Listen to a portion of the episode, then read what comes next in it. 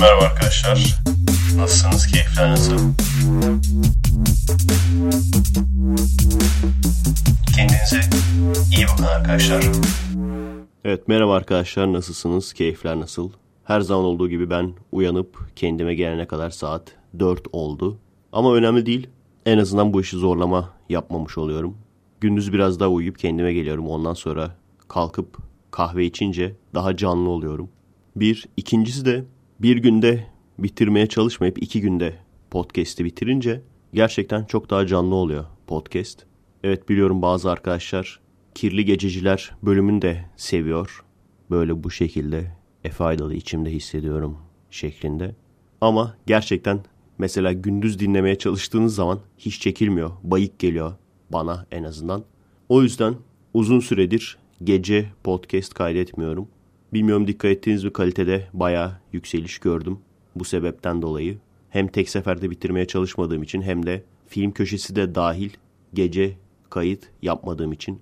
Animasyonlara devam ediyorum. Yavaş yavaş da olsa. Yalnız sağ olsun bir arkadaşım bana bu mini podcastler ve günün filmi köşesi podcastleri konusunda yardımcı olacağını söyledi. Başka After Effects bilen arkadaş varsa ve yükü bölüşmek istiyorsa nasıl yapılacağını size bir videoda gösterebilirim. Bu benim için gerçekten önemliydi. Çünkü iki hatta üç günümü bu filmler için mini podcastler ve normal mini podcastler bunların editlemesiyle uğraşıyordum. Benim için gerçekten çok önemli olacak. Animasyon 5-6 tane kaldı demiştim. Ama aslında daha fazlaymış. Ve animasyonlar bittikten sonra da bazı işlemler olacak. Hatta bazı ek çekimler bile olabilir. Bu arada krom kaplamamız geldi robot için. O da güzele benziyor. Hafta sonu gittiğimde onunla da ilgileneceğim. Ve lehimi de oraya götürdüğüm için bu hafta sonu yine gittiğimde Pulsar'ı da bitirmiş olacağım büyük ihtimalle. Evet 2 dakikalık haftalık raporumuzu da hallettik. Gelelim bu haftanın en çok istek alan konusuna. Siz istediniz ben konuşuyorum. Doların 5 lira olması. Bunun hakkındaki düşüncelerini söyler misin demiş arkadaşlar. Çok mutluyuz. Yapamaz dediler ama yaptık. İnşallah onu da göreceğiz. Şimdi öncelikle bu konuda biz ne yapmalıyız arkadaşlar? Öncelikle önemli olan dil öğrenmek. Dil öğrendikten sonra da ödemeyi dolar veya euro olarak yapan yerlerle çalışmak. Yani yurt dışındaki şirketlerle. Freelancersanız onlarla, codersanız onlarla. Bilmiyorum bu söylediğim milliyetçilik zihniyetine ters düşer mi ama birçok arkadaşın yaptığı işin alıcısı Türkiye'de yok. Varsa da baya köpek çekiyorlar. İkincisi insanlar şunu da söylüyor. Neden Türk malı, ürün, Türk malı, elektronik eşya vesaire alınmıyor? Alınmadığı için, üretim olmadığı için dolaylı olarak paramızın değeri düşüyor. Evet bu da başka bir sorun arkadaşlar. Karşılıklı güvensizlik diyelim. Hepimizde olan bir şey, bende de olan bir şey bu. Türk malı bir ürün olduğu zaman elektronik yani kalitesiz olduğunu düşünüyoruz. Özellikle mesela benim için bir telefonun iyi video ve fotoğraf çekebilmesi çok çok önemli. Hani oyun falan kaldırmasa da olur. Biz bu ön yargıyla yaklaştığımız için bizim teknolojik ürünlerimiz para kazanamıyor. Dolayısıyla gelişemiyor. Gelişemediği için kötü olmaya devam ediyorlar. Kötü olduğu için biz almamaya devam ediyoruz. Böyle karşılıklı bir kısır döngü.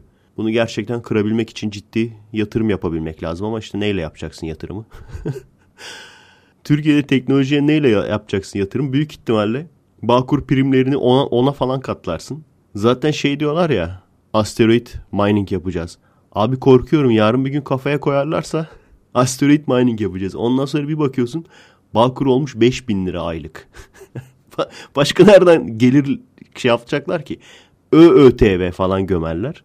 Ondan sonra bir ay sonra ÖÖÖTV ama bazı güzel kaynaklarda buluyorlar. Mesela ködöcüleri içeri alıp mal varlıklarına el koymak gibi. Hatırlıyor musunuz? İkinci kürtaj diye cevaplarım diye bir video yapmıştım. Orada da bunu söylemiştim. Ekonomi iyi gidiyor diyorlar. Hali gitmiyor. Gitmediğinin göstergesi de Türk lirasının sürekli değer kaybetmesi demiştim. Daha önce de söylediğim gibi dede tamam ben iktidara oy vereceğim çünkü diğerlerini sevmiyorum veya kime oy vereceğiz ki veya benim için çok fark etmiyor dese eyvallah. Çünkü sonuç olarak oraya da geleceğiz. O da ayrı bir toplumumuzun kanayan yarısı. Muhalefetin muhalefet yapmaması. Ona eyvallah ama ülke kalkınıyor. Uçacağız. Asteroitlere çıkacağız. Dediğin zaman beni üzüyorsun işte dede. Sevgili poliklinikteki dede. Yani anlatabiliyor muyum? Sevgili arkadaş tabii ki anlatamıyorum. tabii ki anlatamıyorum. Bugün video yükledim yakın gelecek diye. Biliyorsunuz değil mi onu? Resulullah Hazretleri İstanbul'u sattıysa ne olmuş? İngilizler alıp İngiltere'ye götürecek değil ya. Gene gidebileceğiz oraya falan diye böyle. Bariz dalga olduğu belli olan bir video yükledim. Bizim seyircilerden bir tanesi bizim mahalledeki uzun boylu abi sevdalıları isimli bir kapalı gruba girmiş ve orada bunu paylaşmış. Altta helal olsun kardeşime. Şaka değil. Gerçekten bana hepsini yolladı. Helal olsun bu kadar güzel anlatılırdı. Tebrik ediyorum bunlar anlamıyor işte falan. Şimdi bu arkadaşları tabii ki anlatamazsın laf. Ama sevgili ülke coşuyor diyen arkadaşlar, ülke uçuyor, harikayız, mükemmeliz diyen arkadaşlar. Sorunu çözmek istiyorsanız önce sorunun farkına varmanız lazım. Size hemen gidin başka partiye oy verin demiyorum veya oy verdiğiniz partiye tekrar oy vermeyin demiyorum. Ama önce şu sorunun varlığını fark etmeniz lazım. Böyle bir sorun var. Paramız değer kaybediyor. Ekonomi kötü. Neden? Üretmiyoruz. Bu kadar basit. Çok az üretiyoruz. Çok az dışarıya satıyoruz. Dolayısıyla dışarıdan içeriye çok az para giriyor. Ekonomi nasıl dönüyor? Borç alıyoruz. Bir. İkincisi de seçimden önce işte o millete bol keseden dağıtılan paralar onlar da ekonomimizin iyi olduğu anlamına gelmiyor ki Kürtaj dede. Sana anlatmaya çalıştım. O ne anlama geliyor? Bir yerlerde fabrika satmışlar. O anlama geliyor. Bir şeyleri satmışlar. Bir şeyleri elden çıkarmışlar. Onu seçim yatırımı yapmışlar. Bir. İkincisi de işte asgari ücret şu kadar olacak falan dendiği zaman da onu da bil ki Bağkur primlerine yüklenecekler. Zorunlu sağlık sigortalarına yüklenecekler. ÖTV'ye yüklenecekler. Daha yeni fotoğraf paylaştım. Alsancak PTT. Gerçek olduğuna inanmayan arkadaşlar gidip bakabilir. Merkezimizde para kalmadığı için işsizlik ödemesi yapılamamaktadır diye. E ona da atarlanmış insanlar. Oğlum bana niye kızıyorsunuz? Yani bana niye kızıyorsunuz? Böyle bir şey var diyen insana niye kızıyorsunuz? Yani evet şunun farkındayım. Bizim memlekette bir sürü insan hayal yiyip umut sıçıyor. O yüzden hayal yiyip umut sıçan arkadaşlar için bu tür şeyler sorun değil. Hamdolsun deyip geçecekler. Şükredip geçecekler. Bize işsizlik maaşı sözü verildi ama nasıl para kalmamış olabilir diye düşünmeyecekler. Merak etme o para nasılsa gelir bir yerlerden gene. Ya borç alınır ya bir yerler satılır.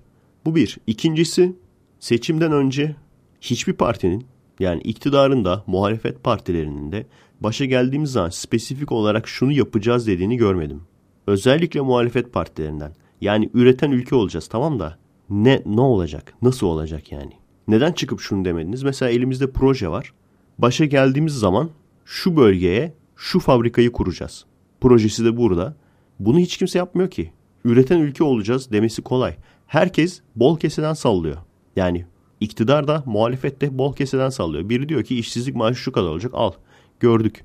O kadar olacak da olmayan parayı nasıl veriyorsun? O zaman ben diyeyim işsizlik maaşı ayda 10 bin lira olacak. E yok ama öyle. Maaş 10 bin olacak dedik. 10 bin vereceğiz demedik. Bence en büyük sorun bu. Yani iktidarın değişmemesini muhalefet in spesifik şeyler söylememesine bağlıyorum. En azından sebeplerden bir tanesi bu. Anlamıyorum ki arkadaşlar ben aday olsam böyle plan plan söylerim ya. Yani ilk sene şu olacak. Mesela ilk sene kasa doldurma senesi olacak. İlk sene ülkenin kasasını doldurmak için, ekonomiyi geliştirmek için harekete geçeceğiz. Misal daha önce de söylemiştim.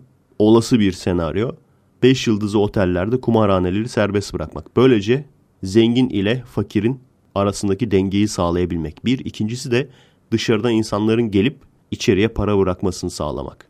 İlk sene bu. Ondan sonra sistemin içine dahil edilen parayla da gene ilk olarak para getirecek şeylere yatırım yapılacak. Atıyorum X fabrikası. Onu da mesela hangisi olduğunu bulacağım. Yani eğer aday olsam neye ihtiyacımız var? Ne gider? Araba mı? Araba fabrikası kurmak için ne kadar para lazım? Bunların hepsini bulup tahmini olarak bile olsa ondan sonra bu fabrika nereye kurulabilir? Hangi şirket kurabilir? O şirkete nasıl teşvik vereceğiz? Hangi yerli şirket? Beko mu? Arçelik mi? Vestel mi? Ve Vestel marka araba mesela. ne kadarlık bir teşvik vereceğiz? Veya teşvik vermeyeceğiz de adamlara araziyi bedava hediye mi edeceğiz? Ondan sonra siz bize vergi olarak onu verirsiniz mi diyeceğiz? spesifik olarak bunları söylerdim. Yani işte üreten ülke olacağız deyip o zaman ben olayım abi aday.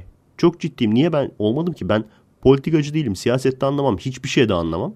Ama ben olayım abi aday. Çünkü siyasilerin söylediği her şeyi ben de söyleyeyim. Ben de yani muhalefet nasıl muhalefet yapıyorsa ben de yaparım. Nasılsa başa gelmeyeceğim anasını satayım. Salla üreten ülke olacağız. Nasıl olacağız? Olacağız o işte üreteceğiz. Yani sorun burada. Herkes eminim ki kafalarında bazı planlar vardır. Belki de gerçekten bu diğer adaylardan bir tanesi başa gelse gerçekten belki üreten ülke olacağız. Ama tamamen kafadan sıkan insanla tamamen boş keseden sallayan insanla gerçekten bir şey olduracak potansiyeli olan insanın arasındaki farkı işte anlayamıyoruz. Neden? Kimse çünkü spesifik konuşmuyor o yüzden. Suç bizde değil yani. Ya da suç size oy vermeyenlerde değil. Bir de işkembeden sallamak konusunda da sabıkalısınız muhalefet olarak. Beni bile açıkçası kandırmayı başardınız iki kere. iki kere size inandım abi. Demek ki ben bile insan psikolojisini bazen yenemiyorum. Birinci de şunda inanmıştım. Muharrem İnce çıkıp Kılıçdaroğlu'na karşı kurultayda ben eminim hiçbir şüphem yok ki ben partinin başına geçeceğim. Seçimi kazanacağım. Kılıçdaroğlu görecek. O yüzden hiç lütfediyorum da işte izin veriyorum demesin demişti. Ben de kendi kendime demiştim ki vay be demek ki bu adam kulis yaptı.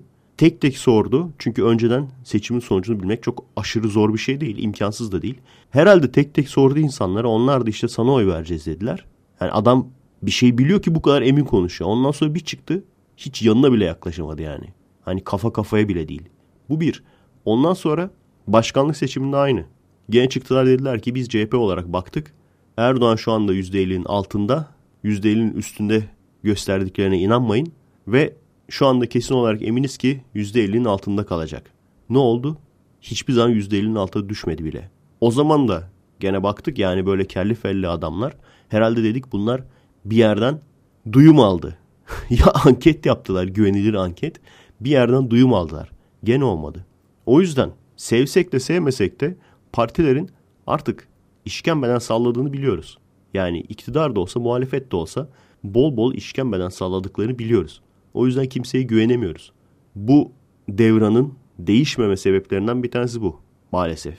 O benim yapmış olduğum dalga videosuna inanmalarını aslında anlayabiliyorum. Çünkü dikkat edecek olursanız YouTube'da ve Facebook'ta, Instagram'da var mı bilmiyorum.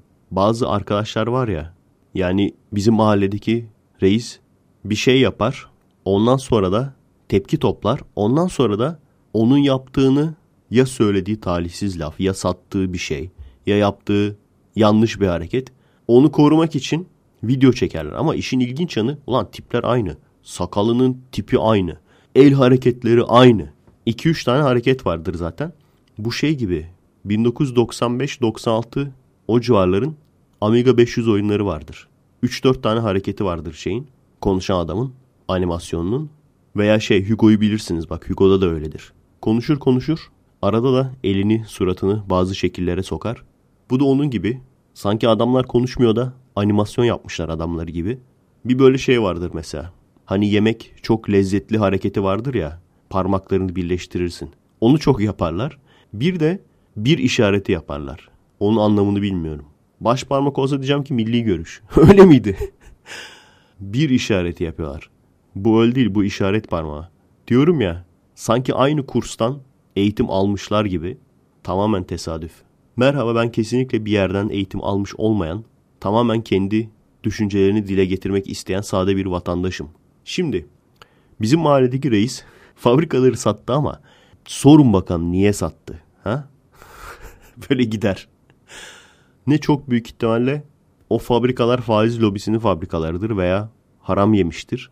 Hak ediyordur yani başına geleni. Ben ekonomiden çok anlamam ama biliyorsunuz benim özel gücüm var. O da 3-4 sene öncesini unutmama gücü. O gücümü kullanarak şunu söyleyebilirim ki çok büyük ihtimalle yine bankalar doların düşmesi için faizi yükseltecek ki vatandaş dolar almasın, onun yerine parasını faize koysun diye. Bu olduktan sonra da dayılar çıkıp bu sefer de işte görüyorsunuz faiz lobisinin oyunları, faiz lobisinin yüzünden dolar artıyor. İnanmayın bunlara büyük resmi görün diyecek. Hani bu işin çok derin analizini yapıyorlar ya. İşte cari açık, ondan sonra cari açıktan dolayı doların önü alınamıyor. Cari açığın sebebi şu şu falan. Bence o kadar derine inmeye gerek yok. O kadar detaya girmeye de gerek yok. Çok basit. Sen bir adamsın. Bir şey üretmiyorsun. Gidiyorsun kankinden borç alıyorsun. Ondan sonra ödemelerin var. Bir yandan işte annenden babandan harçlık alıyorsun. Ama bakıyorsun ki ödemelerin iyice artmış. Sağa sola borçlusun. Önünde iki seçenek var. Bir işe girebilirsin, bir şeyler üretebilirsin. Bunun sonucunda da para kazanabilirsin. Veya annen baban sana harçlık veriyor nasılsa diye onlardan biraz daha fazla harçlık isteyebilirsin. Ya da gidip evindekileri satarsın. Aslında çözüm çok basit. Oturup üreteceksin yani. Üreteceksin, satacaksın, para kazanacaksın. Bunu eğer hiç yapmıyorsan veya yapıyorsan ama çok az yapıyorsan ve çözüm olarak da sürekli işte bir kankiden borç alayım. Bana harçlık veren annemden babamdan daha fazla harçlık isteyeyim. Evimdeki eşyaları satayım. Zihniyetin bununla sınırlıysa o zaman bir gün gelecek gümleyeceksin. Bu besbelli bir şey yani. Bunun daha böyle detayına inmeye gerek yok. Ha birebir tanıdığınız böyle insanlar var mı? Benim var. Ne oluyor? Gerçekten bir gün gümlüyorlar yani.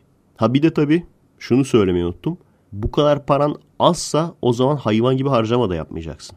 Paran eğer yetişmiyorsa saçma sapan harcamalar da yapmayacaksın. Kendine saray falan yaptırmayacaksın yani.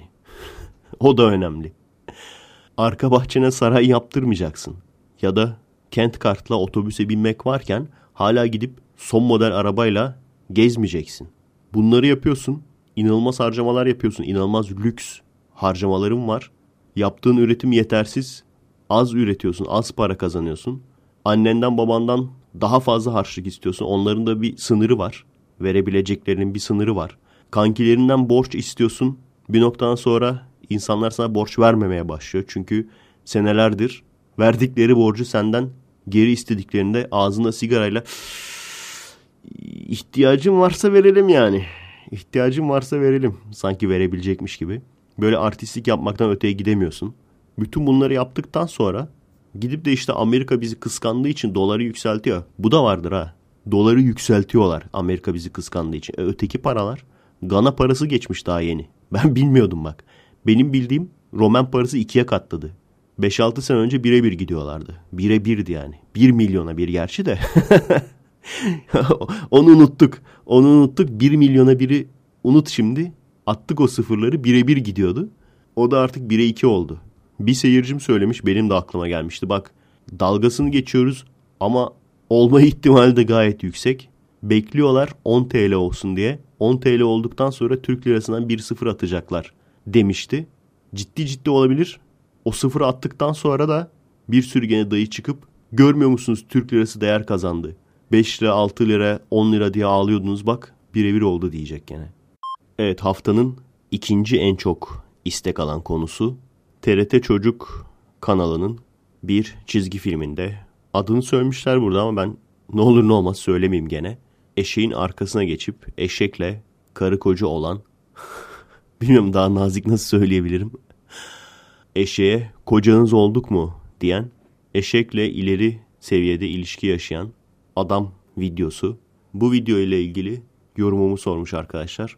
Aslında biliyor musunuz bu konuyu neredeyse buraya getirmeyecektim. Çünkü internetten baktığım zaman TRT çocuk çizgi filminde eşekle ilişkiye giren adam iddiası doğru mu diye her yerde yanlış yazıyordu. Açıkçası hayal kırıklığına uğramıştım. keşke keşke olsaydı diye. Ancak açıklamaları okuduğum zaman fark ettim ki o görüntüler gerçekten var.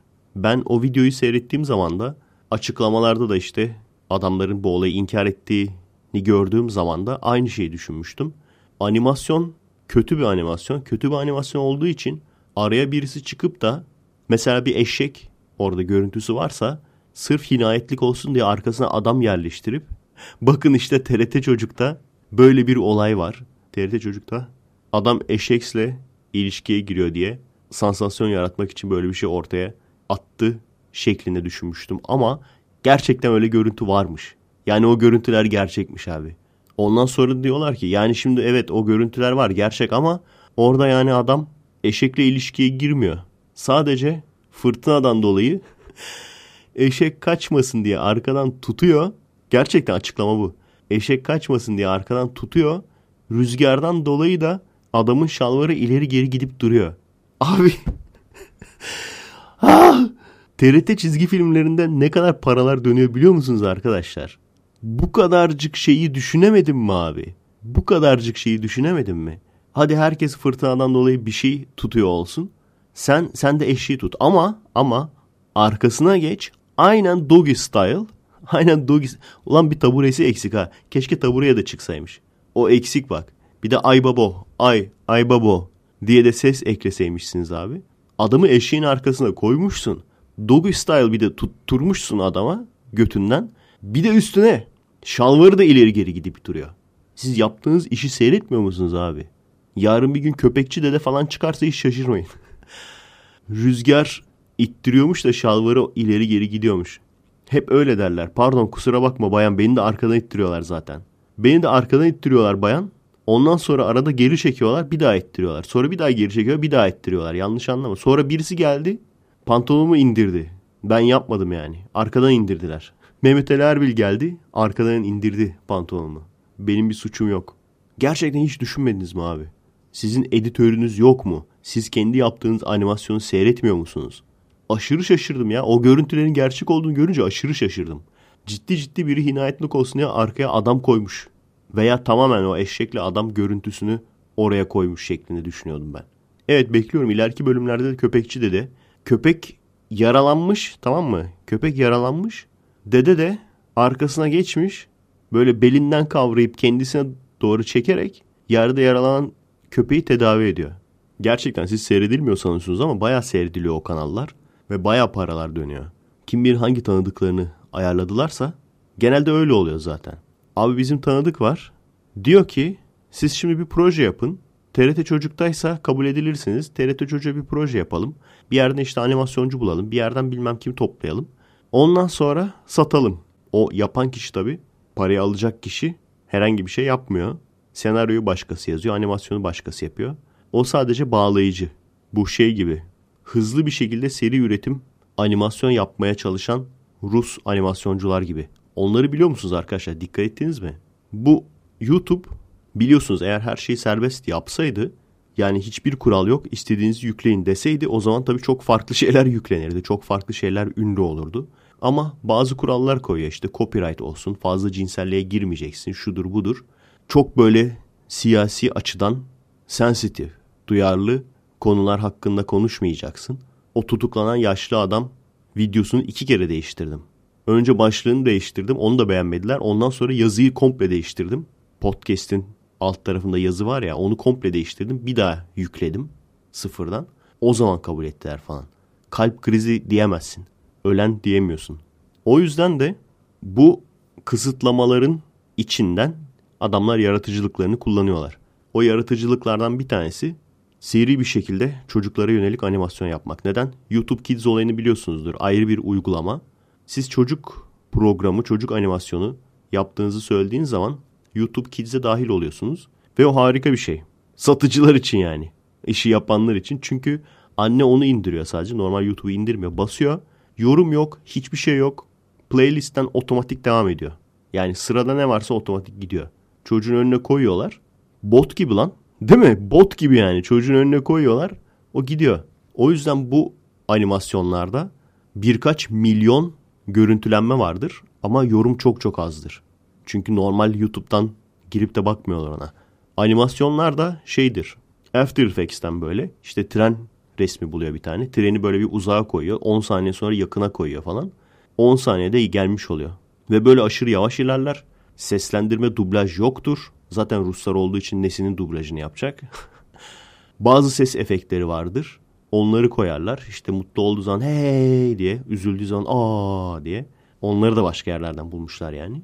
Bu şekilde anlamsız herhangi bir anlamı da olmayan, herhangi bir konusu da olmayan işte tren geçiyor, araba geçiyor, ambulans geçiyor türü her gün bir tane böyle animasyon yükleyip baya baya ciddi bir şekilde parayı götüren insanlar oldu. Ve tabii ki bunun Türk versiyonları da oldu. Hem bu animasyonlar olarak hem de daha dün arkadaş gösterdi. Birebir Rus tırnak içinde çocuk programlarının aynısı. Böyle komik bir kız oluyor. Kız böyle hızlandırılmış bazı hareketler yapıyor komiklik olsun diye. Ses efektleri var bazı. falan diye böyle. Onlar da standart kalıptır yani. Ondan sonra bir videoda mesela renkli bardaklar diziyorlar.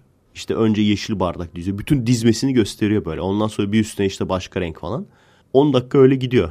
Hey diye ondan sonra ses efekti geliyor falan. Ona da baktığın zaman birkaç milyon gene görüntülenme vardır. Ama o gene Ruslardan alıntı. O şekilde çünkü çocuk programları da vardı. Onlar biraz daha uğraşmıştı tabii. Bizimkiler iyice leş. Tabii ki amaç çocuklar bir şey seyretsin, eğlensin falan değil. Amaç tamamen para olunca böyle şeyler çıkıyor ortaya. Adam eşek uçmasın diye tutuyordum dedi ya. ya bırak bu ayakları ya. Bırak bu ayakları. Genç adamsın. Anlıyorum derdini. Kırsaldasın. Free takılıyorsun. Fazla opsiyonu yok. Bana mı yapıyorsun bu ayağı yani? Ayıp ediyorsun ha. Abi vallahi bak uçmasın diye tut. Ya geçeceksin bunları. Uçmasın diye eşeği tutuyormuş. Kırsaldaki dayılara da fikir vermiş oldunuz ha. Bundan sonra adamlar ne zaman yakalansa abi ben onu uçmasın diye tutuyordum. ne yapıyorsun sen dayı dediğin zaman öyle diyecek. Ya şimdi bu uçmasın diye tutuyorum ben bunu. Bu şekilde yani böyle kenetlendiğin zaman hiç uçmuyor. Demirlemiş oluyorsun yani. Bir de yaptıkları açıklamada sinirlenmişler ya. Bizim böyle bir şey yaptığımızı iddia edenler. He evet onu iddia ediyorduk zaten. Harbiden de düşünsene harbiden böyle bir şey koymuşlar. Harbiden de eşekle ilişkiye giren adam görüntüsü koydun sandık bizde. Çocuk kanalına. Belki işini sevmiyorsundur. Belki paran fazla geliyordur. işten atılmak falan istiyorsundur. Olabilir yani. Evet her neyse arkadaşlar. Sonuç olarak eşeğe inanmayın. Çünkü öşeks yolancı. Evet arkadaşlar biliyorsunuz çocuklarına prenses ve erkek prenses gibi davranan. Prens diyeceğim sandınız değil mi? Hayır değil. Kız çocuklarına prenses, erkek çocuklarına da erkek prenses gibi davranan ızdırap anne babaları ve bunun sonucunda da bu çocuklar büyüdükten sonra internet üzerinden bizim bunlarla uğraşmamız gerektiğini, bizim başımıza kaldıklarını, işte anne babalarına kızdıkları için veya kızmasalar bile sürekli kendilerine iyi davranıldığı için kötü çocuğa hasret olduklarını ve biliyorsunuz Türkiye'de bulunan kötü çocuk türü nedir? Evet, üniversite kantininde takılıp TC benim köyümü yaktı diye kızların aklını alan Behzat Ç. sakallı karizmatik erkeklerdir. Ve onlardan etkilendikten sonra da bize gelip siz doğuda neler yaşanıyor biliyor musunuz diyen gençler. Bunlarla sizin yüzünüzden yani anne babaların yüzünden biz muhatap olmak zorunda kalıyoruz demiştim. Ama adil olmak lazım arkadaşlar. Bir de bunun tam tersi var. O da yol ortasında 3-4 yaşındaki çocuğun tokatlayan türbanlı teyzeler. Biliyorum türban kelimesini kullandığım için insanlar yine çıldıracak. Başkalarının videolarından biliyorum. Hani o şey vardı ya STV ateisti gibi sanki kadrolu ateist gibi rasta falan yapmış saçlarını. Leon gözlüğü takmış. Ondan sonra da e, türban takmayı versinler takmasınlar yani diyen ateist kız vardı ya altından nasıl döşemişlerdi. Tesettürü şerif mi diyorlar bir şey şerif diyorlar. Biliyor musunuz onu arkadaşlar? Türban şerif değil ama çünkü genelde onlar türban kelimesini kullanmayı sevmiyor. Tesettürü şerifti galiba. Tesettürü şerife dil uzatan, şerefsiz, ahlaksız falan. Ondan sonra işte Emin Çöleşen bir ara o kafalarına taktıklarının kumaş parçası olduğunu söylemişti ve nasıl ne? Kumaş parçası mı? Çarpılırsın oğlum. O zamanlar bilmiyorum o zamanlar denebiliyordu herhalde böyle şeyler. Hayır şimdi olay şu. Şimdi insanları üzmek istemiyorsunuz. Açıkçası yani evet dava da açılmasın. Dava açılmaması da önemli benim için tabii ama daha da önemlisi şimdi tesettürlü olup da beni seven veyahut tesettürlü olup işte çocuğum sizi seviyor fotoğraf çektirebilir miyiz diyen insanlar da var. Tesettürlü olup Atatürkçü olan insanlar da var. Geliyoruz ne bileyim halk oyunları gösterisinde hep birlikte İstiklal Marşı söylüyoruz. Atatürk resmini koyuyorlar, alkışlıyoruz vesaire. Bu insanların da kalbini kırmak da istemiyorum açıkçası. Üzmek de istemiyorum. Ama bu bir istatistiki veri. Bu şekilde yolda gördüğüm 3-4 yaşındaki çocuğunu işte elini bıraktı da neredeyse yola gidecekti falan diye sinirlenip arkadan yakalayıp ensesine patlatan teyzelerin %100'ü türbanlı, tesettürlü. Bir. ikincisi de çocuğu yola fırlayan neredeyse araba gözümün önünde yani. Ne Allah dedim çarptı yani. Yani o bir saniye iki saniye içinde evet ilk defa bir çocuğun araba tarafından çarpıldığını daha doğrusu bir insanın araba tarafından çarpıldığını göreceğim şeklinde düşündüm. Son anda acı bir fren yapıp durdu taksi. Ondan sonra şöyle bir 5-10 saniye sonra arkasından annesi geldi. Tabii ki gene giyim kuşam kıyafet standart aynı. Kolundan tuttu çekti. Yine aynı şekilde şuna içerlemiştim. Adını bildiğim ama vermek istemediğim bir karikatürist. Rozetli CHP'li teyzelerle dalga geçiyor. Eyvallah biz de geçiyoruz. Altına da bir sürü insan yorumlarda döşüyor işte. Ha ha CHP'li Atatürkçüler. Bir de Atatürkçüler yani Atatürk'e düşman, Atatürk'e bilenen heriflere oradan malzeme çıkartmış oluyorsun sen. Kendini Atatürk düşmanı değilsindir eminim. Tamam. Ondan sonra kolpa adam tiplemesi yapıyorsun.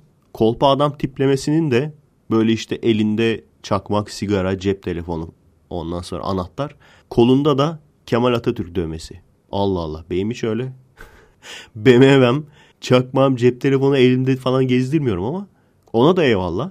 Ama gene altta döşemişler. O gerizekalı Kemalistlerle iyi dalga geçmişsin helal olsun falan diye. Bunların hepsini yapabiliyorsun. Ve siyasi olarak yandaş olmadığını da biliyorum. Siyasi olarak Atatürk düşmanı veya Atatürkçülere düşman birisi olmadığını da biliyorum. Belki gizliden gizliye düşmansındır. Sağ peren olarak değil de sol peren olarak. Hepsine eyvallah.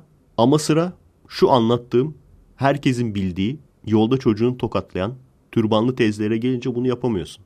Belki tepki alırım diye, belki insanlar sinirlenir diye. O zaman senin yaptığın yarım kalıyor. O zaman sen şunu diyorsun. Bu insanlar şu şu şu kesim tepki göstermiyor. Bunlara istediğimi sallayabilirim. Başıma bir şey gelmez. O zaman bunları sallayayım. Şu kesim bana saldırır. O zaman ben onlara laf etmeyeyim. Senin mizahçılığın nerede kalıyor o zaman? Nerede kaldı senin mizahçılığın? Korkusuz mizahçılığın, bağımsız mizahçılığın. O yüzden bunların hepsinden bahsedebiliyorsak bu genellemeden de bahsetmemiz lazım. Sevgili elini bıraktı diye 3-4 yaşındaki çocuğunun ensesine patlatan tesettürlü teyze. Beni dinlediğini biliyorum. Nasıl çocuklarını prenses gibi yetiştiren aileler yüzünden o çocuklar büyüyünce onlarla biz uğraşmak zorunda kalıyorsak sizin gibilerin yüzünden de sizin çocuklarınız büyüyünce gene onlarla muhatap olmak zorunda kalan biziz. O yüzden benim çocuğuma müdahale edemezsin, o benim çocuğum diyemezsin. O çocuk büyüdükten sonra sen yurt dışına yollayacak mısın? Yollayacaksan eyvallah. O çocuk büyüdükten sonra ne bileyim eve mi kapatacaksın? O zaman tamam. Ama bunların hiçbirisi olmayacak. Sokağa salacaksın değil mi? Ya iş bulsun diye, ya okusun diye, çalışsın diye. O zaman sen karışamazsın diyemezsin. Çünkü 3 yaşına 4 yaşına şiddetle tanıştırdığın o çocuk elini bıraktı diye ensesine patlattığın, senden biraz ileride gitti diye yakalayıp tokatladığın, bir de üstüne küfrettiğin, daha o yaşta yani. Çok ilginç ya. Yani sokakta yürürken iki kutbu da görebiliyorsunuz arkadaşlar. Şeyi de görebiliyorsunuz. Boynuna tasmayı takmış, ipleri tamamen çocuğa vermiş. Şimdi nereye gitmek istersin Afrasu? Eve gidebilir miyiz artık Afrasu? Hayır. Lütfen Afrasu rica ediyorum eve gidelim artık. Öleceğim amına koyayım. Hayır. Oynayacağım burada. Bunu da görüyorsun. Ondan sonra biraz ilerliyorsun. Manyak köpek diye bağıran birini de görüyorsun abi. Çocuğuna manyak köpek diye bağıran onu da görebiliyorsun arka arkaya. Şimdi sen o yaşta hakaretle, küfürle, aşağılamayla, şiddetle, tokatla her şeyle tanıştırdın çocuğun değil mi? Sorun şurada. O çocuk ondan sonra büyüdükten sonra trafikte sen en ufak bir hata yaptın diye yanından geçerken senin ananı avradını sikeyim diye bağıran eleman olacak. Yanlış mıyım? İstersen bütün küfreden adamları bütün trafikte hata yaptı diye insanın anasına bacısına küfreden adamları yakalayalım. Seceresine bakalım. Çocukluklarına inelim. Psikolog eşliğinde. Bakalım ne çıkacak. Yapalım mı? Ondan sonra internet üzerinden kendi partisini desteklemiyor diye insanlara ana avrat söven. Nereden geliyor bu insanlar? Nereden çıktılar? Bu kadar şiddeti yani 10 yaşında bu kadar şiddeti nereden öğrendiler? Gene aynı şekilde sevgilisini tokatlayanlar, sevgilisi ayrılmak istiyor diye başına bela olanlar. Nereden geliyor bu insanlar? Başkalarına namus bekçiliği yapmaya çalışan çomarlar nereden geliyor? Nereden geliyor abi? 3 yaşından beri tokatlarsan herifi beyin bırakmazsın zaten. 3 yaşından beri tokatlaya tokatlaya kulağından dışarıya çıkmış beyni. Akmış gitmiş yani. Ondan sonra diyor ki birader burada aile var ne sarılıyorsunuz kardeşim? Bunun evi var, oteli var, rezidansı var. Rezidans diyor herif ya. Rezidans ne amına koyayım? Rezidansı ne sanıyor acaba? Ne rezidans? İşte zina falan yapılan zina yuvası gibi bir şey. Bundan sonra ben de öyle yapayım mı? Bir teyze oğlunu tokatladığı zaman durduracağım böyle şşş ne yapıyorsunuz ya? Burası medeni bir yer kardeşim. Bunun evi var, oteli var, rezidansı var. Git rezidansta tokatla çocuğunu. Öyle diyeceğim ben de bundan sonra. Yanlış mıyım arkadaşlar? Gitsin rezidansa götürsün çocuğunu. Rezidansta tokatlasın yani. Burası medeni bir mahalle. Ondan sonra tartıştığı kişiler kendisi gibi erkek ve kendi boyutlarına olunca susan, fazla atarlanamayan, atarlansa bile gidip cep telefonundan birilerini arayıp adam toplamaya çalışan, kendi işini kendi öyle öğrenmiş çünkü. Veyahut karşısındaki yaşlı bir adamsa bunu da gördüm. Veyahut kadınsa o zaman diklenebilen, o zaman hatta dövebilen, dövdükten sonra nasılsa başıma bir şey gelmeyecek. Burası Türkiye düşüncesiyle. Bu çocukken dövüle dövüle kulaklarından beyni akmış Walking Dead'ler nereden çıkıyor? Nereden geliyorlar? Kim çıkartıyor? Senin yüzünden işte. Sorun şurada arkadaşlar. Çocuk yetiştirmek sanattır derler ya. Bence de kesinlikle sanattır. Aynen heykel tıraşlık gibi ama bizim memlekette herkes sanatçı değil. Ama herkes çocuk yetiştiriyor. Bu şey gibi şimdi herkesin eline fotoğraf çeken telefon verildi ya. Fotoğraf aslında sanat mıdır? Evet bence sanattır. Neden? Çünkü kompozisyon yapıyorsun. Kompozisyon yaratıyorsun yani. Ama artık fotoğraf dediğin zaman insanın aklına Instagram'daki ızdırap fotoğraflar geldiği için değil mi? Fotoğraf deyince artık insanın aklına dudak büzen kezban geldiği için o işin de boku çıkmış durumda. Bu da biraz onun gibi yani. Şunu diyemezsin tabii. Çocuk bakmasını bilmeyen adam çocuk doğurmasın arkadaşım diyemezsin. O zaman kimse doğurmaz. Yani çok çok az bir kısım çocuk sahibi olur. Çocuk yetiştirmesini bilen, bilinçli insanlar. Bunu yapamazsın. O zaman başa gelince ne yapacağım? Yani benim aklımda şöyle bir şey var arkadaşlar. Sadece çocukları değil büyükleri de eğitmek. Çocuklara zaten eğitim veriyoruz da büyüklere de bazı konularda eğitim vermek. Kamu spotu olsun. Çıkıp konuşmalar yapmak olsun. Toplantılarda konuşmak olsun. Normalde standartını söylüyorum. Amerika'da nasıl uygulama? Yani çözüm arıyoruz ya. Sürekli Amerika ile karşılaştırıyorum. Kusura bakmayın arkadaşlar. Orası doğru veya orası mükemmel olduğu için değil ama çözüm aradığımız için başka yerdeki uygulamalara bakmak istiyorum. Amerika'da mesela yol ortasında sen çocuğun kafasına bir tane patlatırsan eğer bir bunu eğer kameraya alırsa ve seni şikayet ederse sıçtın. Net.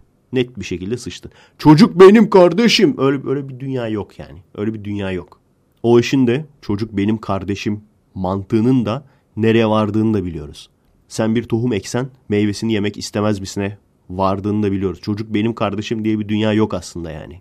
Biliyorsunuz bazı mahalleler var ki karı koca bile olsalar öpüştüklerini gördükleri anda linç edebiliyorlar. Ama aynı mahallede sokak ortasında karın tokatla ne derler? Karı koca arasına karışılmaz. Adettir, örftür, ana nedir? Onları da öldüğüm mi? Kardeşim git rezidansta döv karını. Evet her neyse ne yapılabilir diyorduk. Buradan belki başlanabilir yani. Sokak ortasında çocuğunu döven birini gördüğün zaman hemen karakola çekeceksin.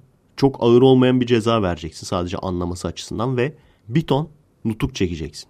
Diyeceksin ki bak böyle bir dünya yok. Biz sorunlarını şiddet ile çözmeye alışkın olan şiddet yanlısı vatandaş istemiyoruz. Bu ülkede istemiyoruz. Buna devam edersen seni komple aileni sınır dışı edeceğiz. Öğreneceksin. Çocuğunu dövmeden konuşarak sorunlarını çözmeyi öğreneceksin. Ne bileyim belki küçük bir hapis cezası verirsin. Bir hafta 10 gün, 15 gün. Birçok insan bu şekilde bilişsel eğitimle, ceza ödül sistemiyle eğitilebilir tabii ki eğitilemeyecek olanlar da olacak. Onları da sınır dışı edeceksin. Yani bu çok büyük bir sorun aslında. Bizim ta agresif yaşlı dedelere kadar yani ve insanların da genel olarak agresif olması ve bu kadar çok çomarımızın olmasının sebebi kesinlikle aile eğitimi ya. Aile eğitimi yani. Biliyorsunuz ben başa geldiğim zaman çomarlık yasak olacak. Bunu daha önceden söylemiştim. Her türlü çomar aktivitesi, kızları sözlü taciz etmek, insanları tehdit etmek, insanları o seni tahrik etmediği halde tokatlamak, dövmek gibi birçok şey sayılabilir. Ama bu işin köküne değinmek lazım. Yani çomar çıkmasını da engellemek lazım.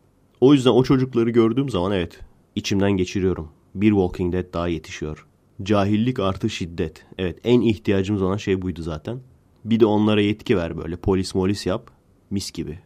Kirli 12'de bir arkadaşımız yine ızdırap, entel aforizma sayfalarının bir tanesinden bir paylaşım yollamış. Şu yazılı resimler olur ya, bir arka planı olur. Ön planda da yazı olarak manalı aforizmalar bulunur. Bu biraz aforizma kombinasyonu gibi olmuş. Ne demiş şair? Aslında Cemal Süreya okumayan adama oy vermeyeceksin. Turgut Uyar'ı bilmeyen doktora muayene olmayacaksın. Nazım Hikmet'in bir dizesiyle seni karşılamayan berberin koltuğuna oturmayacak, Ayakta mı olacaksın tıraşı? Neşet Ertaş'ın en az bir türküsünü bilmeyen bir manavdan rokada almayacaksın. Roka almayacaksın ama sadece. Ben zaten roka yemiyorum benim için sorun yok. Aziz Nesin'in bir iki kitabını okumamış hakimin adaletine güvenmeyecek. Can Yücel'in en az üç kitabını okumamış polise kimliğini göstermeyeceksin. Niye polise bu kadar yüklendin? Birine diyorsun ki bir türküsünü bilecek. Birine diyorsun ki bir türküsünü bilecek. Öbürü bir dizisiyle karşılayacak. Hakim Aziz Nesin'in bir iki kitabını okuyacak. Ama polis üç tane Can Yücel kitabı ok. Hadi lan oradan. Polis kalmaz lan memlekette. İkincisi kimse roka yiyemez. Gerçi onun da hemen nişini doldururlar. Neşet Ertaş bilen manav gelmiştir diye. Rokacı gelmiştir. Evet bu yazıyı gördükten sonra ilk tepkim şu oldu. Demek ki adamların hepsi bu yüzden saç sakal geziyor her yerde. Adamlar Nazım Hikmet okuyan berber arıyorlarmış. Sorun oymuş yani. Evet tabi sadece dalga geçmek için buraya getirmedim bunu. Toplumumuzun kanayan yarası. Sen ve senin gibi insanlar arkadaşım. Bir kere her şeyden önce Türkçe font kullanmasını bilmeyen adama aforizma yazdırmayacaksın. Bu ne oğlum o kadar döşemişsin yazıyı ama Türkçe font kullanmadığın için ı'lar yumuşak G'ler falan farklı fontta gözüküyor. Hepsini büyük harf yazmışsın ama o büyük ihtimalle kullanmak istediğin font küçük de olsa büyük de olsa büyük harf olan bir font. Çünkü yumuşak G'ye geçtiği zaman yumuşak G küçük kalmış. Bildiğin emo yazısı gibi olmuş yani. Kimliğini yazacaksın. Türkçe iyi olmadığı için kımlığını olmuş ama yumuşak G'yi yumuşak G olarak bırakmışsın. Çok büyük ihtimal all caps font kullandı. Bazı fontlar öldür ya şey yoktur yani küçük harfi yoktur. Öyle bir şey kullandı büyük ihtimalle. Ama orada da yumuşak G'ye basınca otomatikman başka font göstermiş. Böylece harf komple büyük harf sadece yumuşak G küçük harf olmuş. Öncelikle font kullanmasını bilmeyen adama aforizma yazdırmayacaksın. Evet neden toplumumuzun kanayan yarası diyorum. Öncelikle arkadaşlar kitap güzel şeydir. Bu arkadaşımızın listelediği sanatçılar da eminim ki kendileri güzel insanlardır. Yolda tanışsak çok güzel insanlar olduğunu görürüz eminim. Ama sorun şu. Bazı insanların çıkıp bu sadece bunu yazan adam için geçerli değil. Çok çok çok fazla kişiden bunu görüyoruz. Ben bunları okudum. Ben bunları biliyorum. Bunu bilmeyen adam cahildir. Ve ben bunları okumamış adamlardan daha üstünüm düşüncesi. Ve bu adamlara baktığın zaman mesela şunu yazan adamı keşke tanısak. Yanına gidip konuştuğun zaman şu sarhoş olmadığı halde bile sarhoşmuş gibi saçmalayarak konuşan tipler vardır ya. Kendinden sarhoşlu dayılar. Büyük ihtimalle öyle birisi çıkacak. Hani şu 40 yaşında olup da 20'lik kıza sana çatışma fotoğraflarını göstereyim mi diye yürümeye çalışan çomarlı ektüeller. Bir şey daha.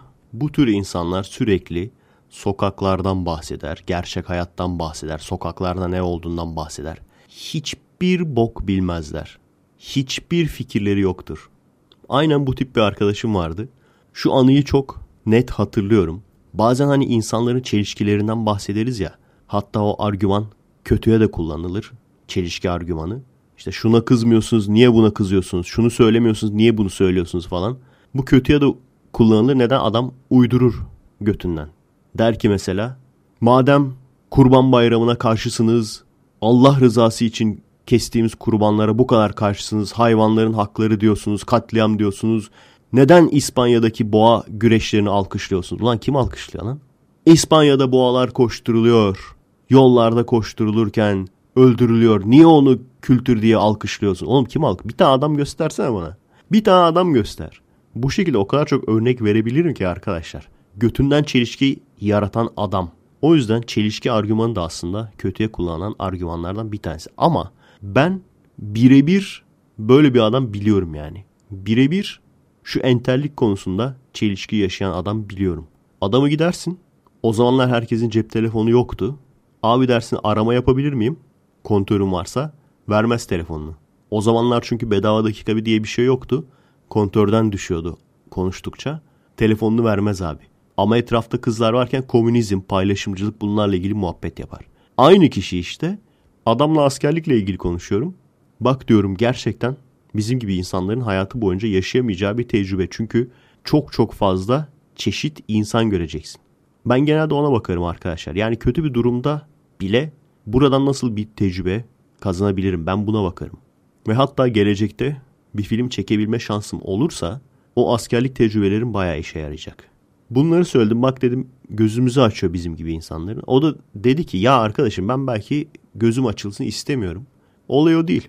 Olay şu bu gibi insanlar disiplinli yaşayamıyorlar. Öğrenmemişler disiplinli yaşamayı. Fiziksel olarak zorluğa gelmek istemiyorlar. Gelemiyorlar yani. Gerçek sebep bu. Her neyse bunu diyen adam ve İzmir'in İstanbul'un doğusuna hayatı boyunca gitmemiş adam. Ondan sonra işte Ergenekon davası, balyoz davası falan olurken duyar kasmak için paylaşım yapıyor. Siz doğuda neler yaşanıyor biliyor musunuz? Balyoz için, Ergenekon için ağlayanlar. Doğuda siz ne? Sen biliyor musun göt? Maalesef bu insanlar böyle arkadaşlar.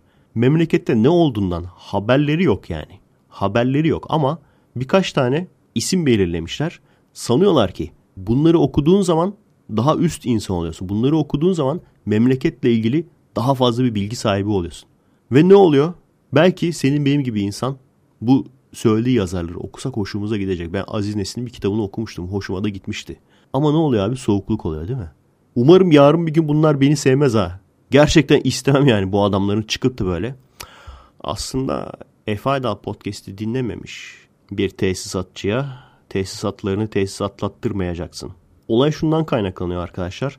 Herkes sert erkek gibi gözükmek istiyor ya öyle ya da böyle. Herkes işte ben feleğin çemberinden geçtim. Feleğin tokadını yedim. Sokaklarda büyüdüm, gezdim. Ama herkes böyle değil. Herkes böyle olmadığı için de herkes o ağır abi, herkes o cool adam, havalı adam trenini yakalamak istiyor. Bir yerden sağdan soldan arkadan atlamak istiyor o trene. Bu zihniyette bu kafada olup radyo yayını yapan da var. Podcast yapan da var. Televizyon programı yapan da var. Film çeken de var. Size nasıl geliyor bilmiyorum ama bana aşırı sahte geliyor. Bu insanların hepsini okumak istiyor musun? Oku abi. Tutan yok ki seni. Ama bunu okumayan insanlar cahildir. Bunu okumayan insanlar bizden aşağıdadır. Birçok kişi bunu söylemiyor. Dillendirmiyor. Bunu paylaşan arkadaş bunu dillendirmiş. Sağ olsun. Teşekkür ediyorum kendinize. Zaten kafanızda bunun olduğunu biliyordum. Bunu dediğin zaman bunun tek bir açıklaması var. Sen bir malsın. İddia ediyorum. İddia ediyorum. Bu tür zihniyette olan herhangi biriyle gidin konuşun. Mal olduğunu göreceksiniz arkadaşlar. Bayansanız dikkat edin. Size yatak odasında çatışma fotoğraflarını göstermesin. Şu sol ızdırap dediğimiz kitle işte ya. Hani adamları eleştirdiğin zaman git AKP'ye oy ver o zaman diyen kitle. Adamlar diğer kitlenin yani yandaş kitlenin empati yapamamasından şikayetçidirler ama kendileri de aynı şekilde empati yapamazlar. Aslında bu iki kesimin yani sağ ızdırap kesimle sol ızdırap kesimin birbirine bu kadar düşman olmasının, kanlı bıçaklı düşman olmasının en büyük sebebi karşılıklı empatisizlikleri. Kusura bakmayın konu yine dağıldı. Bu insanların bu kadar çok olmasının sonucunda zaten bu kadar çok tırnak içinde edebiyat dergisi çıktı. Geçen gün Ekşici filmi Balans ve Manevra ile ilgili konuşmuştum ya. Hafiften yermiştim filmi. Ona kızan arkadaşlar olmuş. Adam şey diyor. Balans ve manevranın derinliğine varabilmek için sarhoş olman lazım diyor. Hah işte olay bu. Sarhoş olduğun zaman daha derin konuşan bir insan olmuyorsun. Sarhoş olduğun zaman daha derin düşünceler sahip bir insan olmuyorsun. Öyle olsaydı bütün icatları sarhoşken yaparlardı. Sarhoş olduğun zaman söylediğin saçmalıkları derin laf olarak düşünüyorsun. Aradaki fark o. Ve bunu sen bilemezsin ben bilirim. Neden biliyor musun? Sen kaç kere komple sarhoş olan insanların arasında sarhoş olmayan birisi olarak bulundun? Ben çok kere bulundum abi. O esnada rastgele düşünceler çıkartıyorsun ağzından. O sana çok mantıklı gibi geliyor. Etrafta herkes sarhoş olduğu için anlayamıyorsun yani. Ki büyük ihtimalle evet o filmi büyük ihtimalle sarhoşken yazdılar. Bu paylaşımı da büyük ihtimalle sarhoşken yazdılar. Neşet Ertaş bilmeyen adamdan roka almayacaksın. Tamam. Bilelim de bundan sonra semizotu alayım. Semizotu alabiliyor muyuz? Hayır bunlar önemli bilgiler de bilelim. Mesela Ahmet Kaya bilmeyen manavdan ne almayalım? Bence Ahmet Kaya bilmeyen manavdan karpuz net almayalım. Adam Ahmet Kaya bilmiyor. Karpuzu mu bilecek amına koyayım? Şu şeyler vardır biliyorsunuz. Sağ sola yazarlar ya. Kitap okumuyorsan tartışmayalım. Ben birebir şunu biliyorum. Sen kaç kitap okudun? Sen kaç kitap okudun? Herhangi bir tartışma argümanı olamaz arkadaşlar. Yani benim söylediğim eğer yanlışsa, herhangi bir söylediğim yanlışsa bu söylediğim argümanı çürütmek için sen kaç kitap okudun diye bir ifade kullanılamaz. Bu da gene insanı kitap okumaktan soğutan kişilere bir örnek. Bir kere her şeyden önce sevgili arkadaşım sen kaç kitap okudun demek sen kaç yemek yedin demek gibi bir şey. Çünkü piyasada satılan kitapların birçoğu çöp. Bunun da aslında şaşırtıcı olmaması lazım. Çünkü piyasadaki her şeyin birçoğu çöp. Müziğin de yani her müzik türünün de çoğu çöp. Her filmin de çoğu çöp. Hatta her film çeşidinin de çoğu çöp. Özellikle sanatta bu çok geçerli bir şey. Çünkü iki tane üç tane iyi sanatçı varsa 10 tane 20 tane belki işi bilmeyen onları taklit etmeye çalışan orijinallikten uzak sanatçı var. O yüzden üzülerek söylüyorum ki işte Ahmet Altan okuduğun zaman, Orhan Pamuk okuduğun zaman, Elif Şafak okuduğun zaman otomatikman normal insanlardan daha iyi bir insan olmuyorsun. Bazı konularda daha kültürlü oluyorsun. O da bazı konularda, her konuda değil. Lütfen artık bu gizli kompleksinizden kurtulun. Yani işte sağda solda diyorsun ya, bu insanlar da ne kadar aptal, ne kadar cahil beni anlamıyorlar. Hiç şunu düşündün mü? Belki sen boş yapıyorsun. Bunu düşündün mü hiç?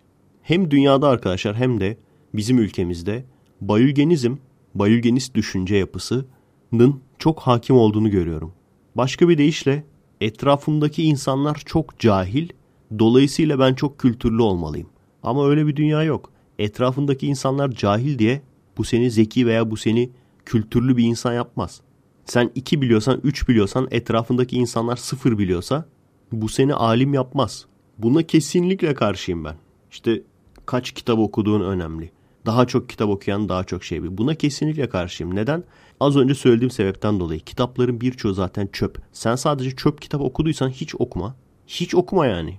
Çok ciddiyim. Sadece çöp kitap okuduysan hiç okuma. En azından bir şey bildiğini sanmazsın. Artı şu paylaşımda bahsettiğin yazarlar da bunlar her ne kadar kaliteli insanlar olsa da senin bir noktada iki noktada ufkunu açan insanlar. Seni nirvana'ya ulaştırmaz bunun hiçbirisi tek başına. Siz mesela benim hiç şunu dediğimi gördünüz mü? Ben astronomu bilmeyen insanla konuşmam. Ama ben felsefe bilmeyen insanla konuşmam. Diyen insan çok görmüşsünüzdür. Ben çok gördüm. Merak etme kardeşim. Ben de ben felsefe bilmeyen insanla konuşmam diyen insanla konuşmam. Bilim dünyasında aslında önemli bir olay oldu. Geçen hafta bunu konuşacaktım. Bir sürü gündem konusu üst üste yığıldı ve bu olayda bir sonraki haftaya kalmış oldu. Olay ne arkadaşlar? Bilmeyenler için Mars'ta bir yeraltı gölü bulundu. Çok büyük ihtimalle aşırı tuzlu çünkü başka türlü donmuş olmamasına imkan yok.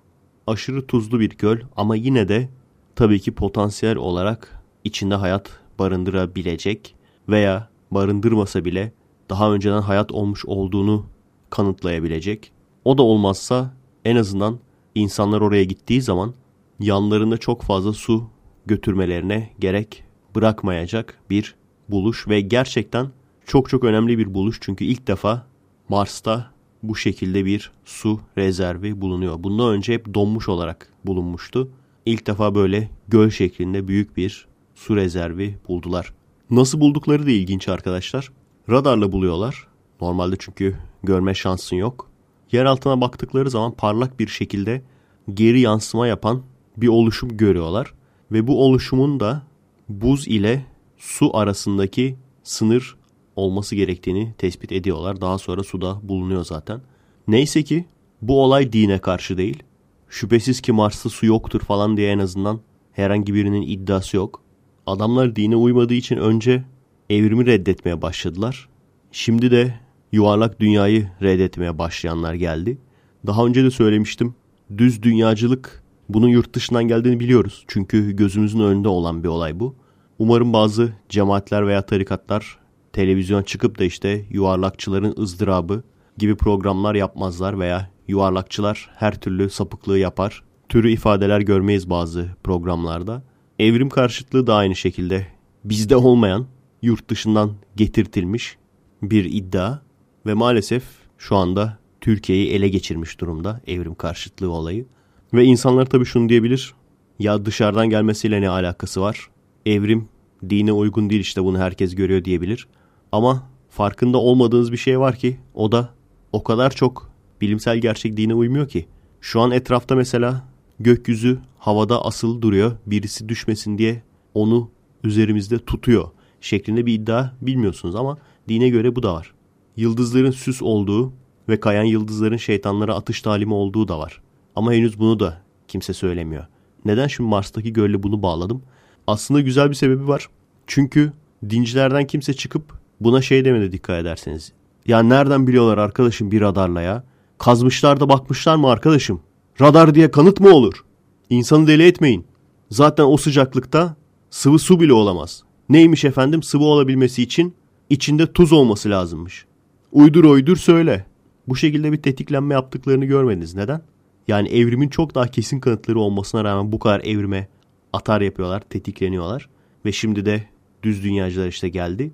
Ve kendileri özellikle söylüyorlar. Bu kesinlikle dinsel falan değildir. Tamamen bilimseldir. Evrimi kabul etmememiz, evrimi reddetmemiz tamamen bilimseldir. Bilimsel gerçeklere dayanır. Ama nedense dinle alakası olmayan konulara itiraz etmezler. Ya da şey diyen de olmadı.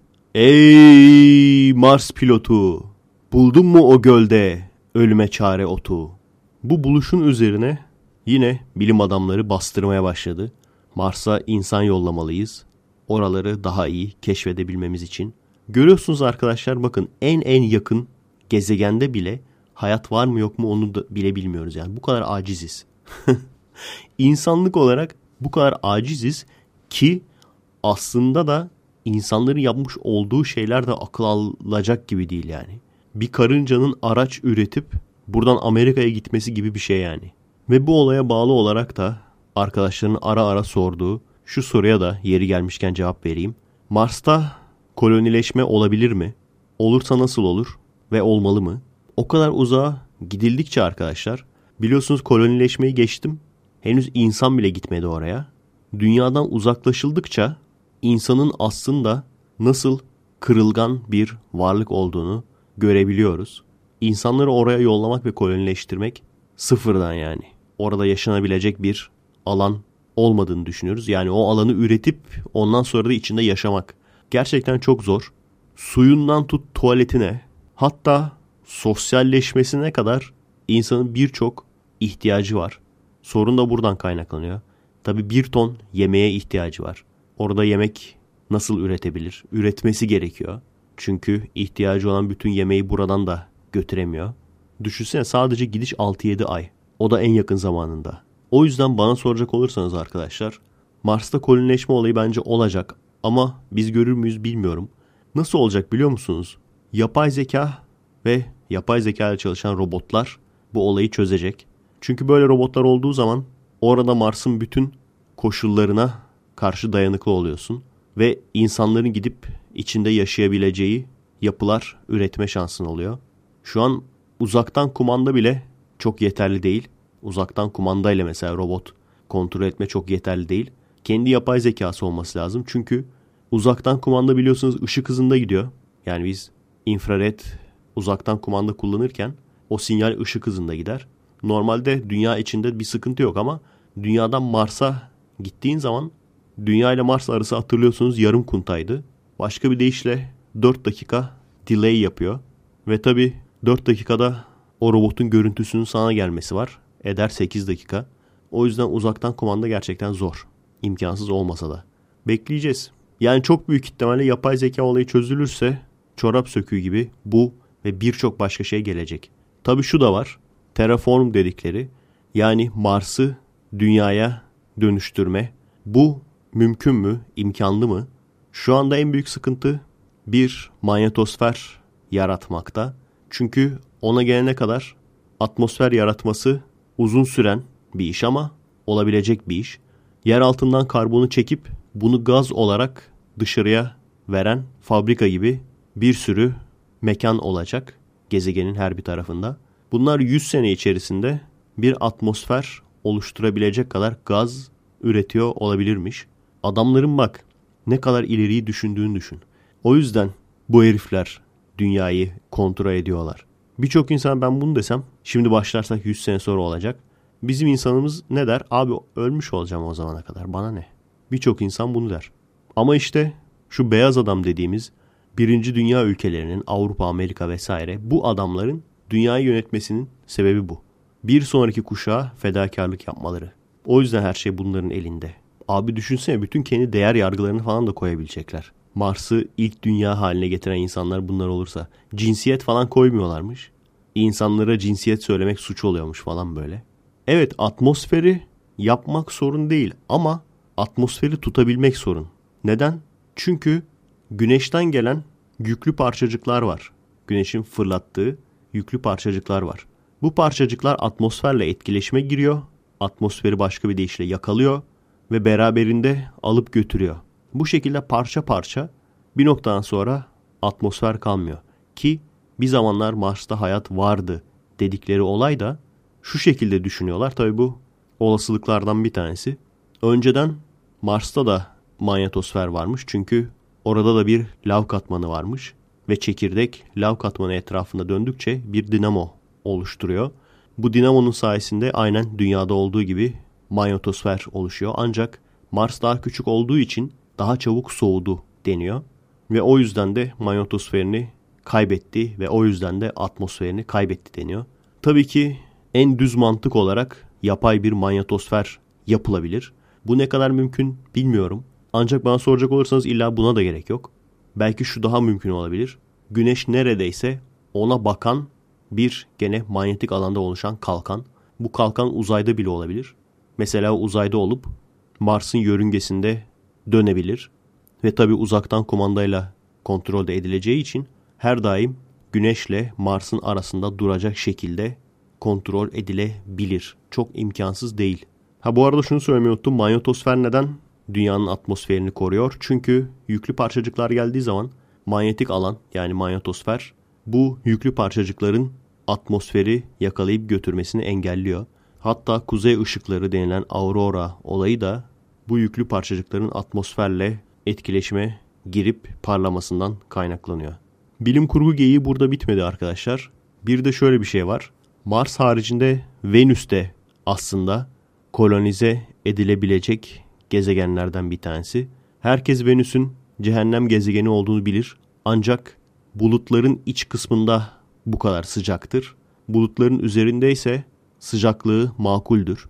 Bir şekilde bulutların üzerinde duracak şekilde oradan ne bileyim havada asılı şehirler kurulabilirse Venüs'e de insanlar yerleşebilir. Çok çok imkansız hadi lan oradan denilebilecek bir konu gibi gelebilir ama Mars bittikten sonra nüfus daha da artınca neden Venüs olmasın? Bu arada Venüs dünyaya Mars'tan daha yakın. Birisi yarım astronomik birim öbürü 1 bölü 3 astronomik birim. Şey pardon Kuntay. Düşünsene 500 sene sonra veya 1000 sene sonra bu olay oluyormuş. Sonra bu podcastleri falan dinleyip vay ediyorlarmış adamlar ne kadar sene öncesinden bunu düşünmüş. Düşünmesi kolay ancak maalesef böyle şeyleri hayata geçirmek çok çok fazla zaman istiyor. Evet arkadaşlar şu an saat akşam 10.30. Normalde gece podcast kaydı yapmayacağım demiştim ama bu konu gece okumaya daha müsait. Biliyorsunuz birkaç hafta önce yaşadığımız paranormal olaylar diye bir podcast yüklemiştim. Ona yorum olarak da seyircilerimiz kendi yaşadıkları olayları yazmışlar. Ve tabi varsa bu olayların açıklamalarını da yazmışlar. İlginç olanları okuyalım. Bir gün odamda abimle uyuyorum. Ne lan o ses dedi. Bir hışırtı, cızırtı var ulan. Açıyorum ışığı. Abim diyor ki nedir o ses? Korktum tabi. Odayı alt üst ettik hışırtı devam ediyor. Ulan sodayı yatağın altına dökmüşüm AQ. O ses yapıyormuş. Şeffaf bir şey olunca görmemişim ilk başta. Ama nasıl kafayı yedik hala hatırlarım. Başka bir arkadaş. Şöyle bir olay yaşadım. 15-16 yaşlarındayım ve cinlerle kafayı bozmuş durumdaydım. Varlıklarına inanıyor, duaların cinlerden beni koruduğuna inanıyordum. Bir süre sonra muhtemelen kafayı cinlerle çok yorduğum için rüyalarımda cinler görmeye başladım. Beni korkutan rüyalardı. Ama sürekli olduğu için artık rüya olduğunu anlıyordum. Yaşadığım paranormal sandığım olay şu ki yine cinlerle ilgili bir rüyamda kendimi uyurken gördüm ve bir cin bana yaklaşıyordu. Ben hiçbir şey yapamıyordum. Cinin ayak sesleri tak tak tak tak. Rüyada olduğumu anlamamıştım. Kendimi görüyordum. Ayak sesleri devam ediyordu. Tak tak tak. Sonra rüyadan uyandım. Etrafım aydınlıktı. Tam elim telefonuma giderken sesi tekrar duymaya başladım. Tak tak tak tak ayak sesleri devam ediyordu. Rüyada değildim Gerçekten kanlı canlı rüyamda duyduğum cinin ayak seslerini duyuyordum. Bana yaklaşıyordu. Ellerimi açıp hemen dua ettim. Şu an 21 yaşındayım. Bu yaşıma kadar hiç bu kadar gerçekçi korku yaşamadım. Sonra dua sırasında fark ettim ki evin yan tarafında fabrikada çalışanlar tahta kırıyorlar ve tak tak tak sesi bunlardan geliyor. Rüyama giren ses de buydu. Beni uyandıran ses de buydu. Benzer olayları çok yaşamışsınızdır büyük ihtimalle arkadaşlar. Ben kendim de aynen öyle dışarıdan duyduğum sesleri rüyama entegre ediyordum. Arada hala bunu yaşarım. Başka bir arkadaşımız Karabasan'dan bahsediyor. Ben tam sorgulama dönemlerimdeydim. Uyku felci oldum. Gece 2 gibi uyandım. Bağırmaya hareket etmeye çalışıyorum. Edemiyorum. O zamanlar bunun uyku felci değil, karabasan olduğunu düşündüm. Ve 2 dakika gibi sürdü bu olay. Dua etmeye başladım ve sorguladığım için Allah tarafından cezalandırıldığımı düşündüm.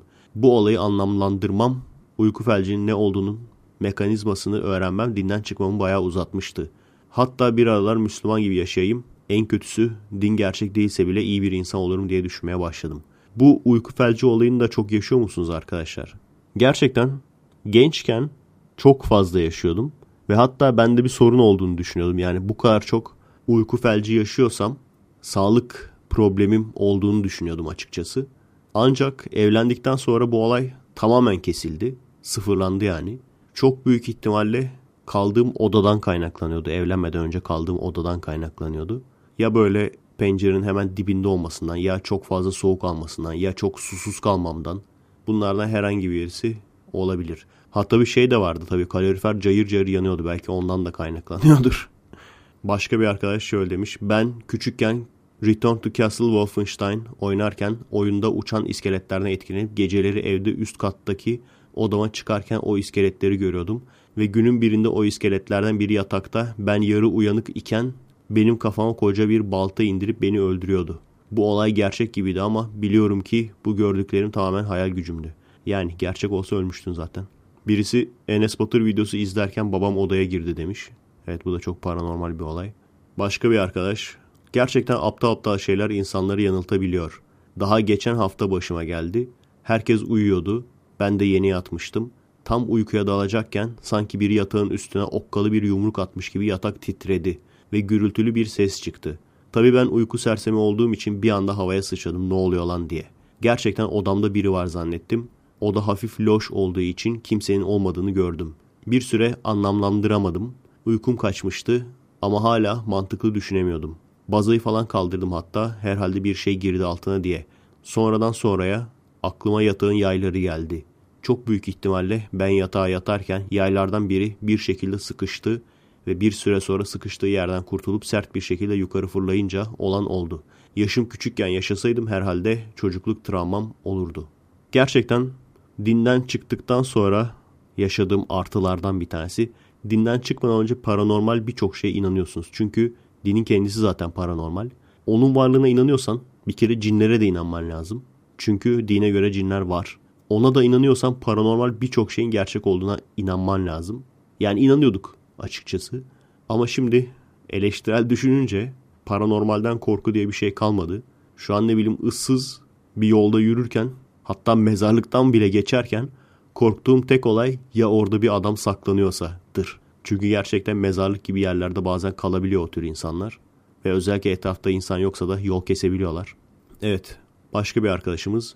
Abi şimdi ben apartmanda oturuyorum. Evimizin apartman kapısının önünde başka bir ev var.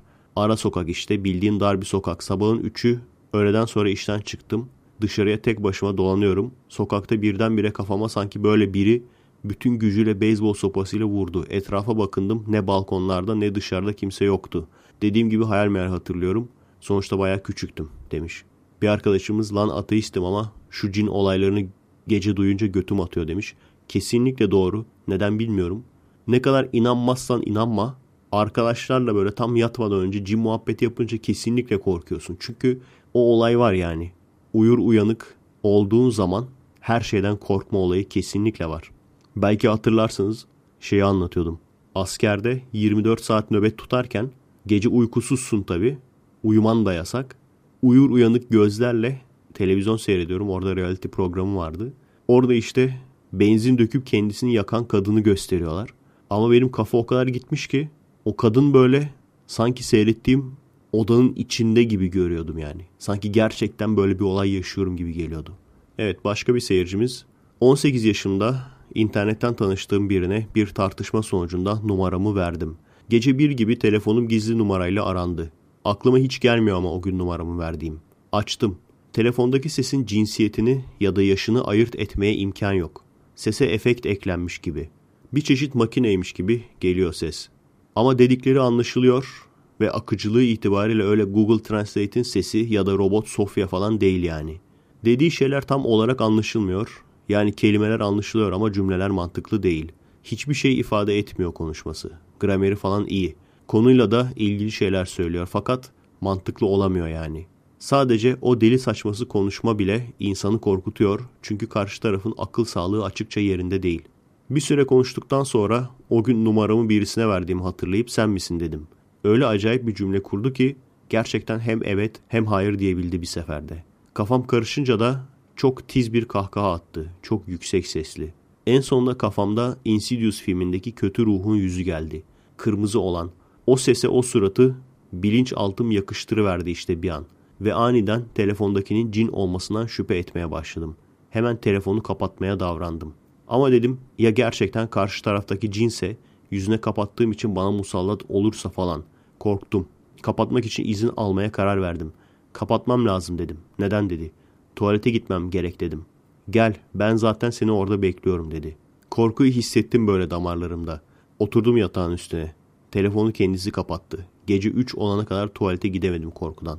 A sıfı dı gı hı. Bence sesi yankı falan yapan, biraz da telefonu tam çekemeyen bir yerde akıl sağlığı yerinde olmayan bir trans kadındı. Ve beni mükemmel kafaladı. Ya da gerçekten tuvalette cim vardı ve beni cepten aradı. Seçim sizin demiş. Bu arada bunları okurken gece dışarıdan hiç ses gelmiyor. Tam pencere karanlığına bakıyorum. Yani burada her an bir pencereden içeriye kafa bakabilir. ve evde yalnızım. Var mı ötesi? O zaman devam. Bunları creepypasta gibi mi okusaydık ya? Efe Usta. Ben 26 yaşına girdim. Geçen sene MYO mezun oldum. MYO olduğu için şehir ilçesiydi. Nasıl olur? evet. MYO olduğu için şehir ilçesiydi. Kaldığım ilçedeki evlerin bir kısmı çok eski yapılardı. 100-150 yıllık falan. Elini duvara sürsen dökülen tarzda. Bölgenin insanı haliyle bu tip evleri de bize kiralıyorlardı. Bu evlerden birinde çok samimi bir arkadaşım yalnız kalıyordu. O evin tam karşısında yaşayan bir deli vardı. Kendi kendine konuşuyor falan, durduk yere gülüyor, ağlıyor. Bir gün arkadaşım aradı. Evde çok kötü sesler duyuyorum. Zaten çok eski, yatır falan olmasın dedi. Ben ise gerçekten olabileceğine inandım. Ev çok eskiydi. Lakin koşa koşa arkadaşın evine gittim. Arkadaşım bana şunu dedi. Karşıdaki deliği videoya çektim. Sürekli geceleri balkona çıkıp benim daireme dönüp konuşuyor dedi. Delinin dedikleri. Bak yine öğrenciler geldi hadi iyisiniz falan diye birileri varmış gibi anlatıyor.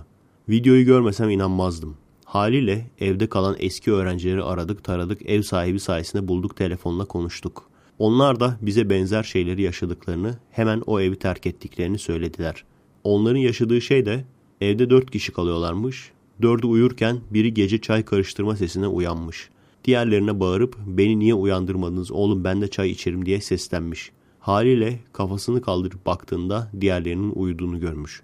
Bir gün evi komple aradık ve dolabın içinde bir adamın kocaman fotoğrafı çıktı. Ev sahibi o fotoğrafı çerçevesiyle niye orada bırakmış hiç anlamadım. Onu görünce iyice sıçtık. Sonuç olarak arkadaşım da o evi terk etti. Evi görsen zaten altına sıçarsın acayip eski bir yapı. Daha uzun anlatırdım ama en özeti böyle oluyor demiş. Evet başka bir seyircimiz. Ya bu sabah şantiyede işçi amcalar kendi aralarında cinleri konuşuyor. Bir tanesi bana göründü dedi. Dağlık bir arazide kepçeyle kazı yapıyormuş. Önceki gün fena bir kaza yaşanmış. O günde kazı yaparken çocuk boylarında elleri ayakları ters insan suretinde bir yaratık belirip çek git buradan mı ne demiş. Amca da durur mu? Vurmuş kepçeyi üstüne ezmiş cini kepçeyle. Dan dağdan ateş fışkırmaya başlamış. Amca atlamış kepçeden Himmet ya Geylani Hazretleri diye bağırmış ve kaçmaya başlamış. Geylani Hazretleri kim ben bilmiyorum ama amcanın demesine göre kendisine peygambermiş gibi güç verilmiş falan. Abdülkadir Geylani Hazretlerinin kerametleri şeklinde videolardan gördüğüm kadarıyla müritlerine yana şiş sokma ve ateş yutma gibi kerametleri olan bir şahıs. Ama sadece yana. Mesela kalbin olduğu yere şişi sokamıyorsun. O keramet yetmiyor ona. Evet başka bir seyircimiz. İlkokul 2. ya da 3. sınıfta yani 8-9 yaşındayken arkadaşlarla oyun bahçesinde oyun oynarken gökyüzünden yavaş yavaş süzülen saydam, sarı 20-25 santim boylarında bir çubuk gördüm. O an ona baka kaldım. Yavaş yavaş aşağıya süzülüyordu. En son arkadaşın başına düştü. Arkadaş o an ağlamaya başladı. Başı kanıyordu. Yere defalarca baktım ancak o düşen şeyi bulamadım. Tüm görevliler, hocalar toplandı. O an gördüğümü anlattım ancak çok fazla tınlamadılar. Güneş parçasıdır deyip geçiştirdiler. Bu kadar yavaş süzülüp birinin başını kanatacak bir şey nedir acaba diye yıllardır merak ettim. Sanırım bu sorunun cevabını hiçbir zaman alamadan ölmüş olacağım. Evet başka bir arkadaşımız 17 yaşında yaşadım bu olayı. Evde yalnızdım. Televizyon izliyordum. Tüm camlar açıktı tabi. Sıcaktı, yaz ayıydı. Bir anda bir şeyin yaklaştığını hissettim. Omzumda bir el hissettiğimde altıma sıçacaktım ama ateistim. Böyle şeylere inanmıyorum. Ruhani varlık falan. Odama kaçtım yine de. Kapıyı kapattım. Adımı söyleyen bir ses duyar gibi oldum ama buraya kadar olan her şeyi kafam güzel diye hissettiğimi kabul edebilirim. Olaylar durulduktan sonra mutfağa gittiğimde borcam ve baharatlıklar kırılmış, içindeki baharatlar dökülmüştü. Aklıma ilk gelen şey cereyan ettiği için düşmüş olabilecekleriydi. Ama cereyanın bu kadar güçlü bir etkisi olduğuna inanmak istesem de inanamıyorum. Arkadaşlar siz ne düşünüyorsunuz? Sizce cereyan böyle bir şey yapabilir mi? Cevap yazmışlar. Bakın benim aklıma gelen şey cevaplarda var mı? İlginç kimse yazmamış. Bence pencere açık olduğu için hırsız gibi bir şey girmiş ve sen kafan güzel olduğu için bunu algılayamamışsın. Kafa yeterince güzel oluyorsa gerçekten çevresindeki olayları insan algılayamıyor. Daha önce de anlattığım gibi çevrendeki insanlar sarhoş olup sen olmayınca bunu çok net görebiliyorsun. Bence %90 birisi girdi.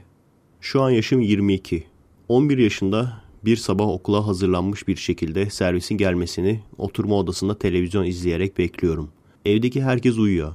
Bir ara gözüm köşede duran aynalı vitrine gitti ve bir anda aynamdaki yansımamda ayağımın önünde küçük siyah bir cisim belirdi. Çok korkmuştum. Hemen oturduğum yerden fırladım. Koridordan arka odaya doğru koşmaya başladım. Koşarken arkamdan yere düşen bazı cisimlerin sesleri gelmişti. Mutfağın yanından koşarken tepsi kendi kendine düştü. Tepsi mutfağın girişinde değil. Ben sebep olmadım kesinlikle. Cesaretimi toplayıp geri oturma odasına döndüğümde odanın içerisinde yastıkların yerde, kumandanın da başka bir yerde olduğunu fark ettim. Ben bu tarz olayları küçükken çok yaşadım ve hala anlam veremiyorum. Hayal demek istiyorum ama kendimi de biraz kandırmış olurum. Şu an agnostiyim ve eskisi kadar korkmuyorum. Ama yine de aklımın derinliklerinde bu tarz şeylere inancım var. Evet arkadaşlar, daha çok fazla hikaye var. Herhalde hepsini okumaya kalksam tek başına bir bütün podcast olur. Hoşunuza gitti mi? Hoşunuza gittiyse volüm 2, volüm 3 diye gidebiliriz. Hafta hafta. Bu videoya da yorum olarak yazabilirsiniz. Kendi tecrübelerinizi. Tamam hadi.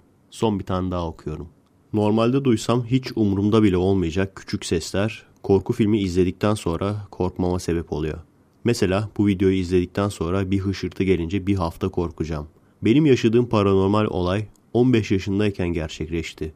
9. sınıftım. Babamla annem ayrıydı ve ev alacak paramızın olmasına rağmen ev almayıp kirada oturuyorduk. Bir gün okuldan çıktıktan sonra internet kafeye gitmiştim. Babam eve 17.30 gibi geliyor. 18 gibi eve geldiğimde banyoda bornozun sırılsıklam bir şekilde parantez içinde o kadar ıslak ki ağırlaşmış artık kaldırmak bile zorlu oluyor demiş. Asılmış bir şekilde babam bulmuş. Banyonun da o bornozun asılı olduğu yere kadar ıslandığını gördüm. Hani bornoz yere düşse suya temas etmeyecek ama bornoz sırılsıklam ve asılmış. Babam eve geldiğinde böyle bulduğunu söyledi. Hemen paraları falan kontrol ettik. Hiçbir şey eksik değildi. Hala neden olduğunu anlamadım. Evet arkadaşlar beğendiniz mi? Hoşunuza gittiyse devamını getiririz.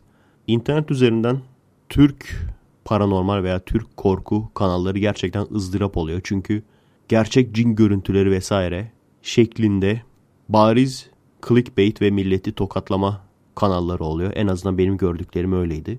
Yabancılardan Scare Theater ve Rainbot isimli iki kanal hoşuma gidiyor. Onları takip ediyorum.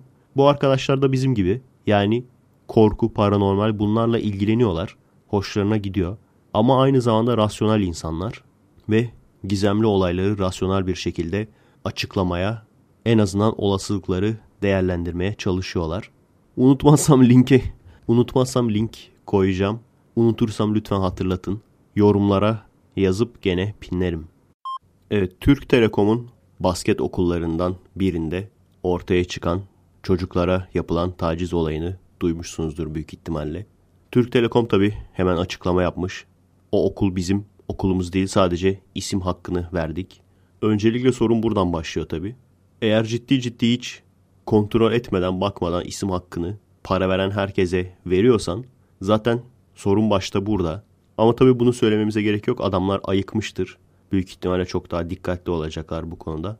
İkincisi de bu olayın üzerinden ortaya çıkan din tartışması ve insanların birbirine söylediği laflar. Videoyu görüyorsunuz. Video zaten karartılmış olarak var.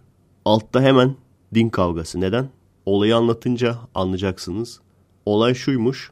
Çocuklar iyi performans sergilemediği için maçtan sonra yatırıyorlar. Alt kısımlarını işte short, don vesaire indiriyorlar ve pipilerine Bengay sürüyorlar. Bengay biliyorsunuz yani herhangi bir spor dalıyla uğraşanlar bilir. Aşırı yakıcı bir krem. Pipiye deodorant sıkmak gibi bir şey yani. Bu arada yapan kişilerin arasında takımın koçu da var. Ulan şu koç sıfatı ben biliyorsunuz Amerika'da çocuklara ders verirken adım Koç Efe'ydi. Patron maalesef koydu o ismi bana. Futbol dersi öğrettiğim için, Aikido dersi verdiğim için, badminton oynattığım için, hatta satranç da spordan sayılıyor. Bütün bu sebeplerden dolayı adım Koç Efe'ydi ve çocuklar da Koç Efe derdi. Gerçekten beni rahatsız eden bir sıfattı bu. Çünkü koç dediğin zaman hep tacizci olarak gündeme gelir ya. Tacizci olmayan gündeme gelmez çünkü. Sadece tacizci olanlar gündeme gelir. Amerika'da da öyle, Türkiye'de de öyle. Özellikle Amerika'da mesela. Koçtan kız öğrencilere taciz skandalı falan. O yüzden gerçekten diken üstünde duruyordum o isimden dolayı. Ha bak ben burada haberlerde yanlış anlamışım. İlk başta çünkü okuduğumda özel bölgelerine krem sürülüyor yazıyor. Ben de şey anlamıştım arka taraftan. Yani krem deyince ve taciz deyince o şekilde sanmıştım. Daha sonra videonun açıklama kısmı videoda da haberde anlatıyor. Çünkü göstermiyor anlayamıyorsun bayağı karartılmış görüntüler. Özel bölge var özel bölge var. Burada gerçekten ama e, habercilikte hata yapmışlar. Özel bölge değil cinsel organ demeleri lazımdı. Gene haber devam ediyor. Görüntülerde bazı çocuklar benim ne suçum var diye kaçmaya çalışıyor. Bazı çocuklar da çok acıyor diye bağırıyor demiş. Heh burada da yazıyor bak. Şeyde de duyuluyor videoda da Allahu Ekber diye bağırıyor adam sürekli ama bunu yaparken. O yüzden aşağıda kavga çıkmış. Bu dinci sporcu tayfa biliyor musunuz o tayfayı? Dinci sporcu, yobaz sporcu tayfa. Çoğu spor dalında vardır. Ben Aikido'da yok sanıyordum. İstanbul'da o da varmış abi. Yobaz Aikidocular. Onlarla ilgili konuşalım. Ama önce şu milletin birbirine yaptığı atara bakalım bu video üzerinden.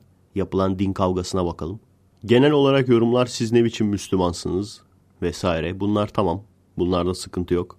Bazı arkadaşlar bu cinsel taciz değil. Ben de o spor kulübündeyim. Bu bir gelenektir demiş.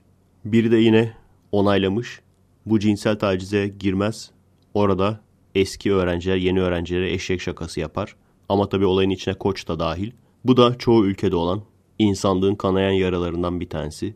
İnsanlar başıboş kaldığı anda hani millet anarşizm falan diyor ya devlete ihtiyaç yok kanunlara ihtiyacımız yok falan doğada kanun mu var falan diyorlar ya abicim 250 gram serbest bıraktığın zaman insanları başıboş bıraktığın zaman bu oluyor işte 250 gram yani dinden çok insanların başıboş olması çünkü din olmasa bu herifler başka bir şey kullanacaktı büyük ihtimalle gene yapacaklardı sapıklıklarını bir sürü kişi bu mu sizin dindarlığınız, dini kullanıyorsunuz yobazlar falan demiş.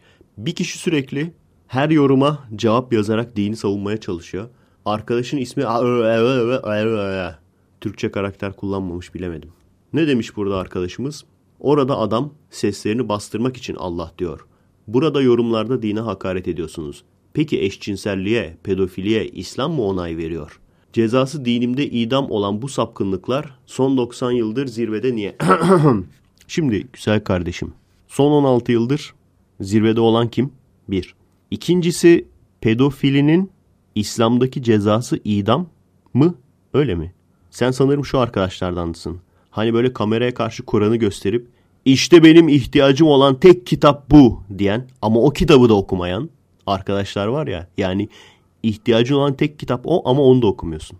Bilmiyorum yani benim ihtiyacım bir tane kitap olsa yemem içmem önce onu okurum. Hadislerde 9 yaşındaki Ayşe ile evlenme olayı anlatılır. Bu yüzden zaten hadis inkarcısı diye böyle ara form İslamcı tayfa çıkmıştır ortaya. Bundan neden bu kadar eminim? Çünkü öyle bir konsept yok. Pedofili diye bir konsept yok yani. 18 yaş diye bir sınır zaten yok yani o zaman.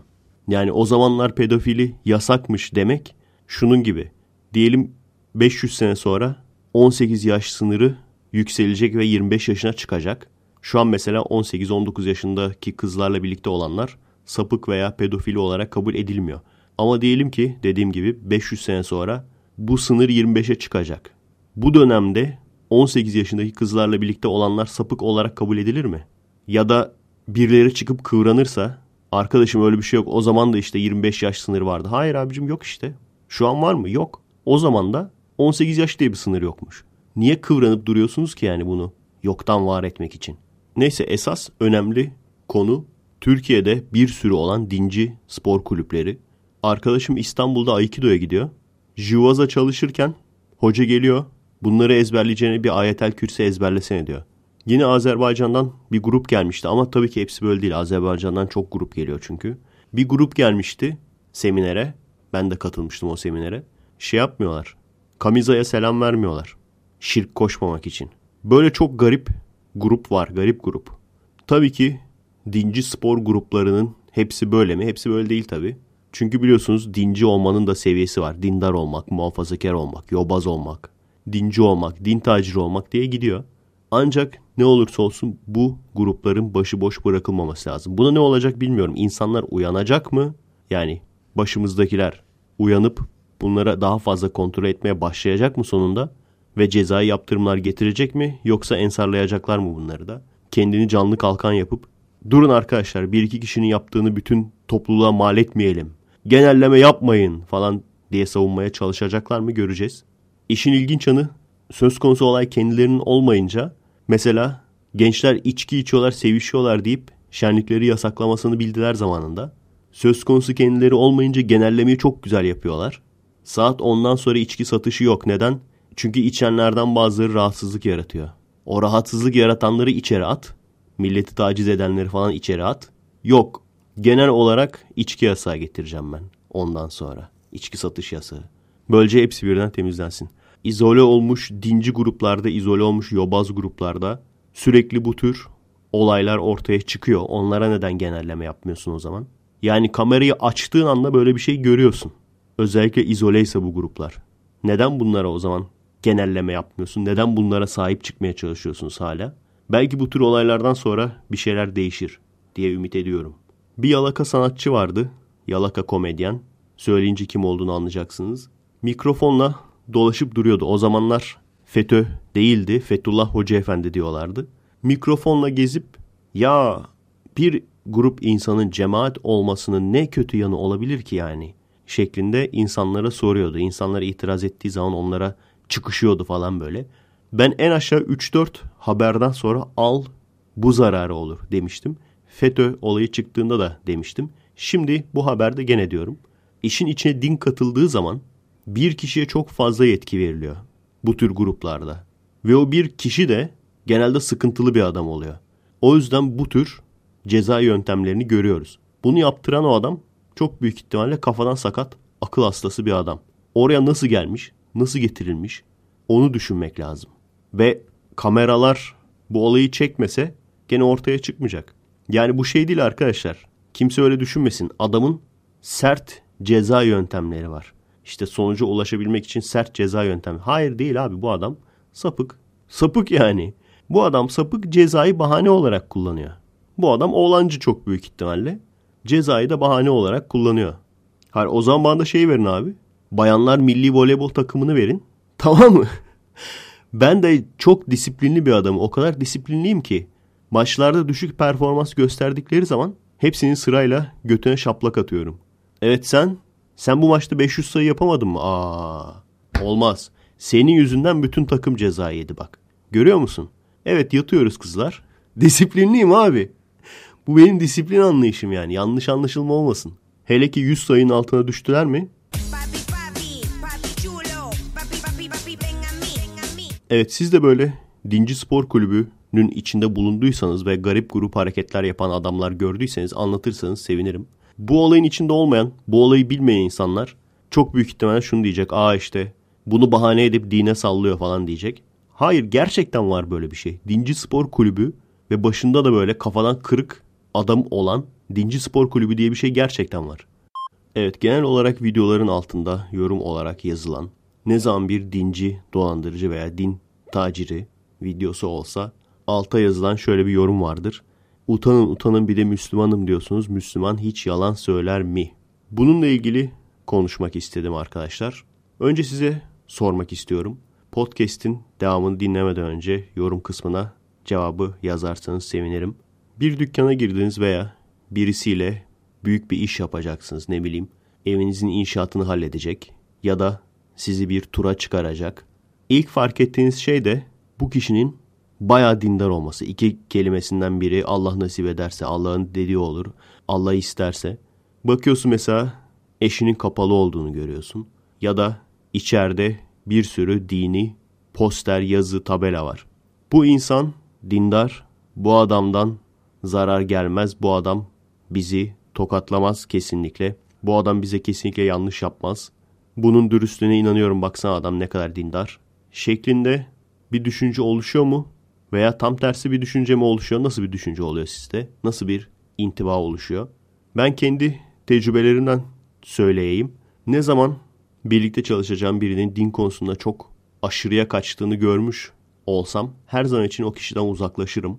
Neden? Çünkü bizde milleti tokatlayanlar genelde insanların dini duygularını kullanarak bu işi yaptıkları için ve daha önce de tabii çok ağzım yanmış olduğu için o yüzden böyle aşırı bir dincilik gördüğüm zaman ortamdan uzaklaşmaya çalışırım. Bununla birlikte şu ifade doğru mu? Yani hiç Müslüman yalan söyler mi? Müslüman dediğin yalan söylemez. Ya da gerçek Müslüman yalan söylemez. Bu ifadenin bir geçerliliği yok arkadaşlar.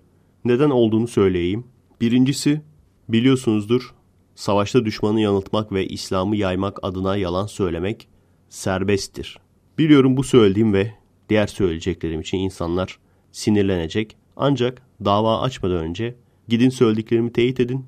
Söylediklerimin doğru olmadığını teyit edin ondan sonra açın davayı. Çünkü mahkemede bu söylediklerimi kanıtlarsam üzülen siz olursunuz. Bu yani İslam düşmanlarına, din düşmanlarına yalan söylemek caizdir. İslam'ın hayrına yalan söylemek caizdir. Kuralı düşünecek olursanız insanlar tarafından istenildiği gibi yorumlanabilir. Fethullahçılar zamanında adamlar her türlü üç kağıdı yapıyorlardı. O abi evlerinde bulunan arkadaşlarımın anlattığı ve birbirinden bağımsız birkaç arkadaşımın söylediği sözler bunlar. Orada bariz bir şekilde sorular çalınıyordu. Orada bariz bir şekilde yalan dolanla kendi adamlarını sınavda başarılı yapıyorlardı. Ve buna itiraz eden hani dinde yalan yoktu, dinde dolandırıcılık yoktu diyen insanlara ise bu laikler din düşmanı biz onları Müslüman olarak görmüyoruz. O yüzden onlara karşı yalan söylemek mübahtır. Onlara karşı hile yapmak, düşmanda savaşa hile yapmak gibidir. Şeklinde cevap veriyorlardı. İşin ilginç yanı bunu birkaç arkadaşım söyledi. Bir arkadaşım söylese tamam diyeceğim yani. Belki orada izole bir olay bu. Farklı farklı abi evlerinden çıkan farklı arkadaşlar söyledi. O yüzden kimde böyle bir zihniyet olduğunu bilemezsin. Kimde böyle bir zihniyet olduğunu bilemeyeceğin için kimin yalan söyleyeceğini de, kimin seni dolandıracağını da bilemezsin. İkincisi kendi içinde müminden mümine yalan söylemek ve hatta yemin bozmak. Yemin bozmanın da cezası bir köle azat etmek. Ya da bir fakiri doyurmak mıydı? Dur bakayım. Ha hepsi burada yazmış bak. Maide suresi 89. ayet. Yemin bozduğun zaman çocuğunuza yedirdiğinizin orta derecesinden 10 fakiri doyurmak yahut giydirmek yahut bir esir azat etmek bunlara gücü yetmeyen 3 gün oruç tutar demiş. Ancak demiş bununla birlikte siz yine de yeminlerinizi bozmayın tutun diye tavsiye ediyor. Bu da aynı şekilde çok kötüye kullanılabilecek bir durum. Çünkü diyelim kendi karını aldattın ama kurtulmak için yemin ediyorsun böyle bir şey yapmadım diye. Ondan sonra da gidip 3 gün oruç tutuyorsun veya 10 fakiri doyuruyorsun ve günahın silinmiş oluyor. Veyahut bir şey yapacağına dair yemin ediyorsun. Yemin ederim ki şunu yapacağım. Mesela eve geri dön yemin ederim ki seni dövmeyeceğim diyorsun. Ondan sonra gene dövüyorsun. 3 gün oruç tutuyorsun. Gene kefaretini ödemiş oluyorsun. Biliyorum farkındayım. Birçok insan emir olduğun gibi dost doğru ol. Ayetini kullanır. İslam'da yalan olmadığını söylemek için. Ancak az önce söylediğim noktalardan bahsetmezler. Kötüye kullanım yine şöyle olabilir. İki Müslümanın arasını yapmak için yalan söylemek de serbest. O yüzden adam karısını aldattıktan sonra kendisiyle karısının arası bozulmasın diye yalan söyleyip bunu da bu kurala yorabilir. Kısacası yalan izinleri aşırı derecede yoruma açık olduğu için Müslüman kişi yalan söylemez ifadesinin geçersiz olduğunu savunuyorum. En azından ben kendi hayatımda kesinlikle böyle düşünmüyorum. Bir de tabii şu da var. Bunların hepsini geçtim. Dinle hiç alakası olmayıp dindar insanları dolandırmak için dindarmış gibi gözüken insanlar da var. E bir de o da olunca o yüzden kesinlikle bu tür insanlara yani bunlardan zarar gelmez, bunlar yalan söylemez şeklinde bir güvenim olmuyor. Siz ne düşünüyorsunuz? Dava mı düşünüyorsunuz? Evet bu haftanın konuları da bu kadardı. Biliyorum farkındayım eskisi gibi soruları uzun uzun okumuyorum. Bunun sebebi de şu. Mesela bu podcast'ta aslında 3 tane seyirci isteği okudum. Ama genelde şu olay ile ilgili konuşur musun şeklinde oluyor.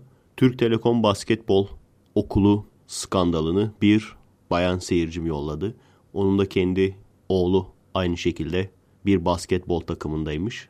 O yüzden beni çok etkiledi bu haber diyor. Lütfen bununla ilgili konuşur musun demiş.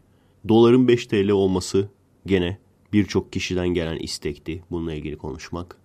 Eşekli video tabii ki ikinci en çok istek alan konuydu. Ve gerçekten şey de değil arkadaşlar. Hani nasılsa ben bu konuyla ilgili konuşacaktım da bu da bahane oldu da değil. Mesela o basket olayını bilmiyordum. 5 TL olayını biliyordum. Ama insanların bu konuyla ilgili konuşmamı isteyeceğini düşünmemiştim. O yüzden yine gündemle ilgili konuşmamı istediğiniz olaylar varsa mesaj olarak yollayabilirsiniz herhangi bir kanaldan.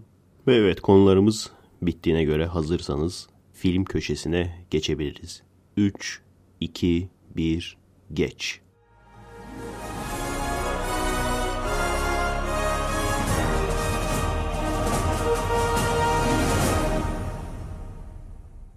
Evet ilk filmimiz haftanın retro filmi Night of the Creeps. Aslında listeye başka bir film koymuştum. The Stuff diye gene 80'lerden kalma bir film. Ancak IMDB'de ona bakarken yan tarafta daha popüler bir film adı gördüm ve bunun bir yerde tanıtımının yapıldığını hatırlıyorum Night of the Creeps filminin. Bir sürü kanal takip ediyorum biliyorsunuz eski bu tür videolar tanıtan. O yüzden göz aşinalığı da vardı. Fragmanını seyrettim ve hoşuma gitti. 1986 yapımı bir film. Biliyorsunuz o zamanlar bir sürü zombi filmi vardı. Bu da yine zombi filmi türü ancak biraz değişiklik katmışlar. İnsanların zombi olma sebebi uzaydan gelen bir parazit. Filmin başında 1950'leri görüyoruz ve o bölüm siyah beyaz gösteriliyor. Mezuniyet balosunda bir çift araçlarını tenhaya çekmişken göktaşı olduğunu düşündükleri bir cisim yakınlarına düşüyor ve içinden de sülük gibi düşünün ama sülüğün daha büyük, uzun ve hızlı hareket eden versiyonları çıkıyor. Bunun da aslında filmin başında nereden geldiğini görüyorsunuz. Bir uzay gemisinden dışarıya atılıyor. Bu sülükler bir kişinin vücuduna giriyor. Ancak sonra ne olduğu görülmüyor ve 1980'lere geliyoruz. Her şey normal çünkü aslında bu sülüklerin dünyayı ele geçirmiş olması lazım ama öyle bir şey yok. Sanki bu olay hiç yaşanmamış gibi. Her şey normal devam ediyor. Nerd gençlerimiz yine mezuniyet balosunda kız bulamamaktan şikayetçi. Bu da klasiktir. Ve tabi popüler kızlardan birine aşık ondan hoşlanıyor. Bu tür filmlerin klasik yanı lüzumsuz çıplaklık. Yani bunu kötü anlamda söylemiyorum. Ama şu anda biliyorsunuz PG-13, R rating falan diye çok keskin bir şekilde ayrıldığı için ve R-rated film olduğu zaman pazarlayabileceğin kitle çok düştüğü için çok lüzumlu değilse, çok konuyla alakası yoksa göğüs möğüs bu tür şeyler göstermiyorlar biliyorsunuz ki A Quiet Place gibi korku filmlerini bile PG-13 yapıyorlar artık. Birçok korku filmi PG-13 farkında değilsiniz büyük ihtimalle. O yüzden bu kadar jumpscare ile korkutmaya çalışıyorlar insanları. Retro film sevme sebebim bu zaten. Çünkü o zaman adamların umurunda değilmiş pek. Konuyla alakalı alakasız işte duş alan kızlar, giyinen kızlar falan gösteriyorlar. Tabii ki bu nörtlerin aşık olduğu kızın popüler bir erkek arkadaşı var. Tabii ki dallama. Ve onun da dallama arkadaşları var. Bu adamlar tabii ki sporcu. sporcu dallama erkek arkadaşlar. Ve bizim nörtler de bu kızın dikkatini çekebilmek için sporcuların grubuna, kulübüne katılmak istiyor. Sporcu olanlar da dallamalar da diyor ki böyle bir şey yapmak istiyorsanız bilmem neredeki morga gidin oradan bir tane ceset çalın ve şu bizim düşman kulübün kapısının önüne bırakın diyorlar. Bizim arkadaşlar da söylenen yere gidiyorlar ancak morg değil de üzerinde test yapılan bir adam görüyorlar. O adam da işte filmin ilk başında içine parazitlerin girdiği adam bir sıvının içinde.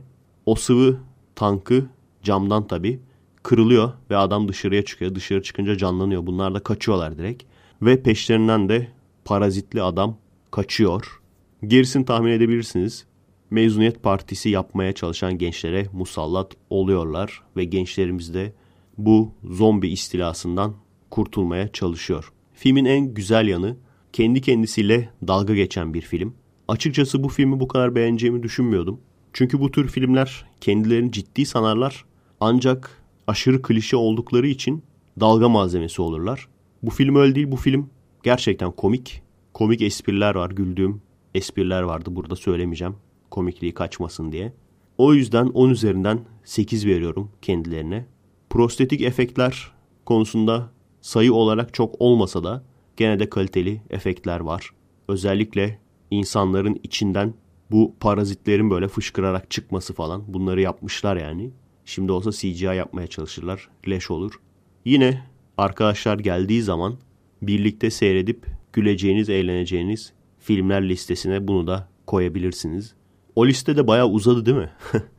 Aklıma gelen o listede en iyiler bence Brain Dead yani Peter Jackson'ın ilk filmi. Hobo with a Shotgun. Bunlardan sonra da bu film geliyor Night of the Creeps. Ondan sonra da diğer filmler geliyor. Yani o Toxic Avenger falan benim için en azından aşağılarda. Tank Girl de mesela tavsiye ettiğim parti filmlerinden bir tanesi. O da gene benim için üst sıralarda. Evet söyleyecek başka bir şey yok. Spoiler'a da girmeyelim zaten. O yüzden sıradaki filmimize geçelim. Ve evet sıra büyük bir filme geldi. Günün yeni filmi Avengers Infinity War. Öncelikle ha ha ha Efe İngilizce bilmiyor musun o Avengers değil Avengers olacak diyecek arkadaşlar. Öncelikle siz bir ölün. Bakın lütfen yaşayarak diğer arkadaşlarımıza haksızlık ediyorsunuz. Ülke kasıyor. O yüzden mümkünse siz ölün. Öldünüz mü? Tamam. Devam edebiliriz. Bundan önce seyrettiğimiz birçok Marvel filmi bu filme bağlanıyordu zaten. Ben de Thor Ragnarok'u seyretmiştim. O da buna bağlanıyordu.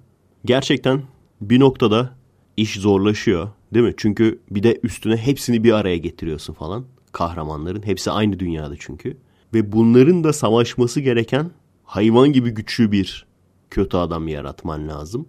Biliyorsunuz Avengers'ın ilk bölümünün sonunda Loki kaybedince Thanos da madem Loki kazanamadı ben gelirim bu işleri ben hallederim.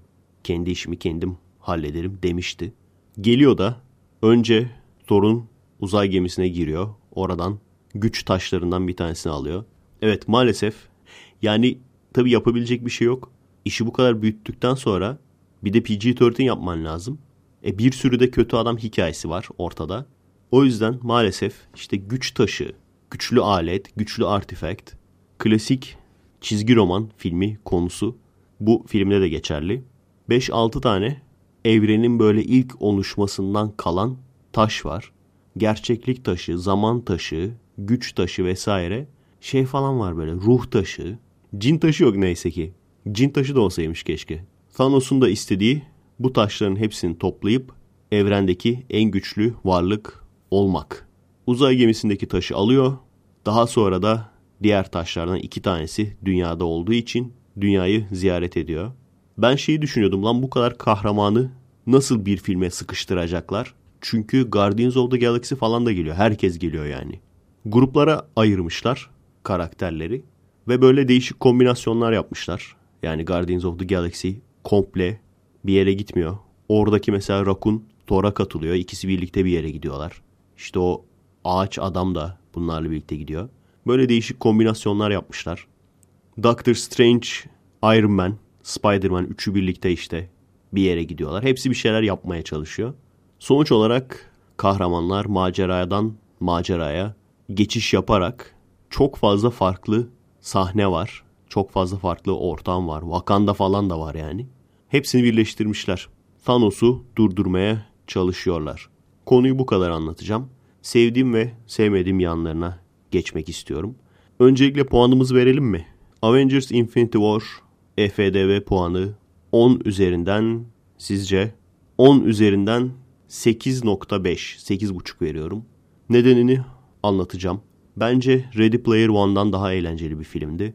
Ona da biliyorsunuz 8.5 vermiştim. İşin komik yanı maliyet olarak Justice League'den çok farklı değil. Justice League 300 milyon dolar. Bu 316-400 arası. Gerçi 316 mı 400 mü değil mi?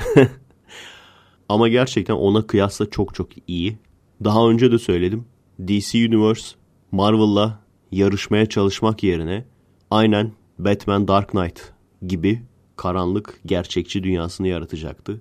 Marvel'ın üstünlükleri bu filmde de görünüyor. O da ne? Diyalogların yine güzel yazılmış olması. Bunlar önemli şeyler. Hani sadece çoluğa çocuğa hitap etmiyorsanız, büyüklere de hitap ediyorsanız bunlar önemli. Güldüğüm birkaç yerde oldu Avengers'ta. Ancak genel olarak ciddi bir film. Yani Thor Ragnarok gibi değil.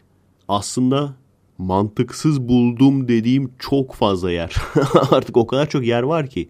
Şunu artık kabullendim. Avengers filmi seyredeceksen veya Marvel filmi seyredeceksen mantığı kapıda bırakacaksın. Öyle gireceksin. O yüzden hiç işte uzayda bu olur mu? Farklı sistemlerde şunun olması mantıklı mı? Yok uzaylılar İngilizce hiçbirisine girmeyeceğim. Buna rağmen buna rağmen mantıksız bulduğum bazı film klişeleri var. Onlara da gene de değinmek istiyorum. Birincisi birçok filmde olan bunda da olan adam seni öldürmeye niyetli ama vurup öldüreceğine oradan oraya fırlatıyor. Bu artık bitmeli. Biliyorum farkındayım. Ana karakteri öldürmek istemiyorsunuz. Ama defalarca yapıldı bu ve artık seyrettiğim zaman bana ızdırap veriyor. Yani çok güçlü bir karakter güçsüz bir karakteri yakaladı. Öldürecek öldürmeye niyetli ama fırlatıyor. Lütfen fırlatarak öldürmeye çalışmak bitsin. Marvel beni dinlediğini biliyorum. Ve bütün diğer filmi çeken arkadaşlar da. Hollywood komple beni dinlediğini biliyorum. İkincisi eminim ki ikinci filmde buna mantık bulacaklar ama Ant-Man ve Hawkeye'ın gruba dahil olmaması ve işte yok emekliye ayrıldılar yok bilmem ne. Ulan evren gidiyor be. Evren gidiyor yani.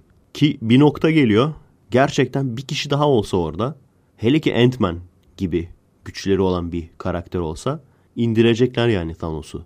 Dediğim gibi çok büyük ihtimalle ona bir sonraki filmde mantık bulurlar. Üçüncüsü kötü adamın motivasyonu.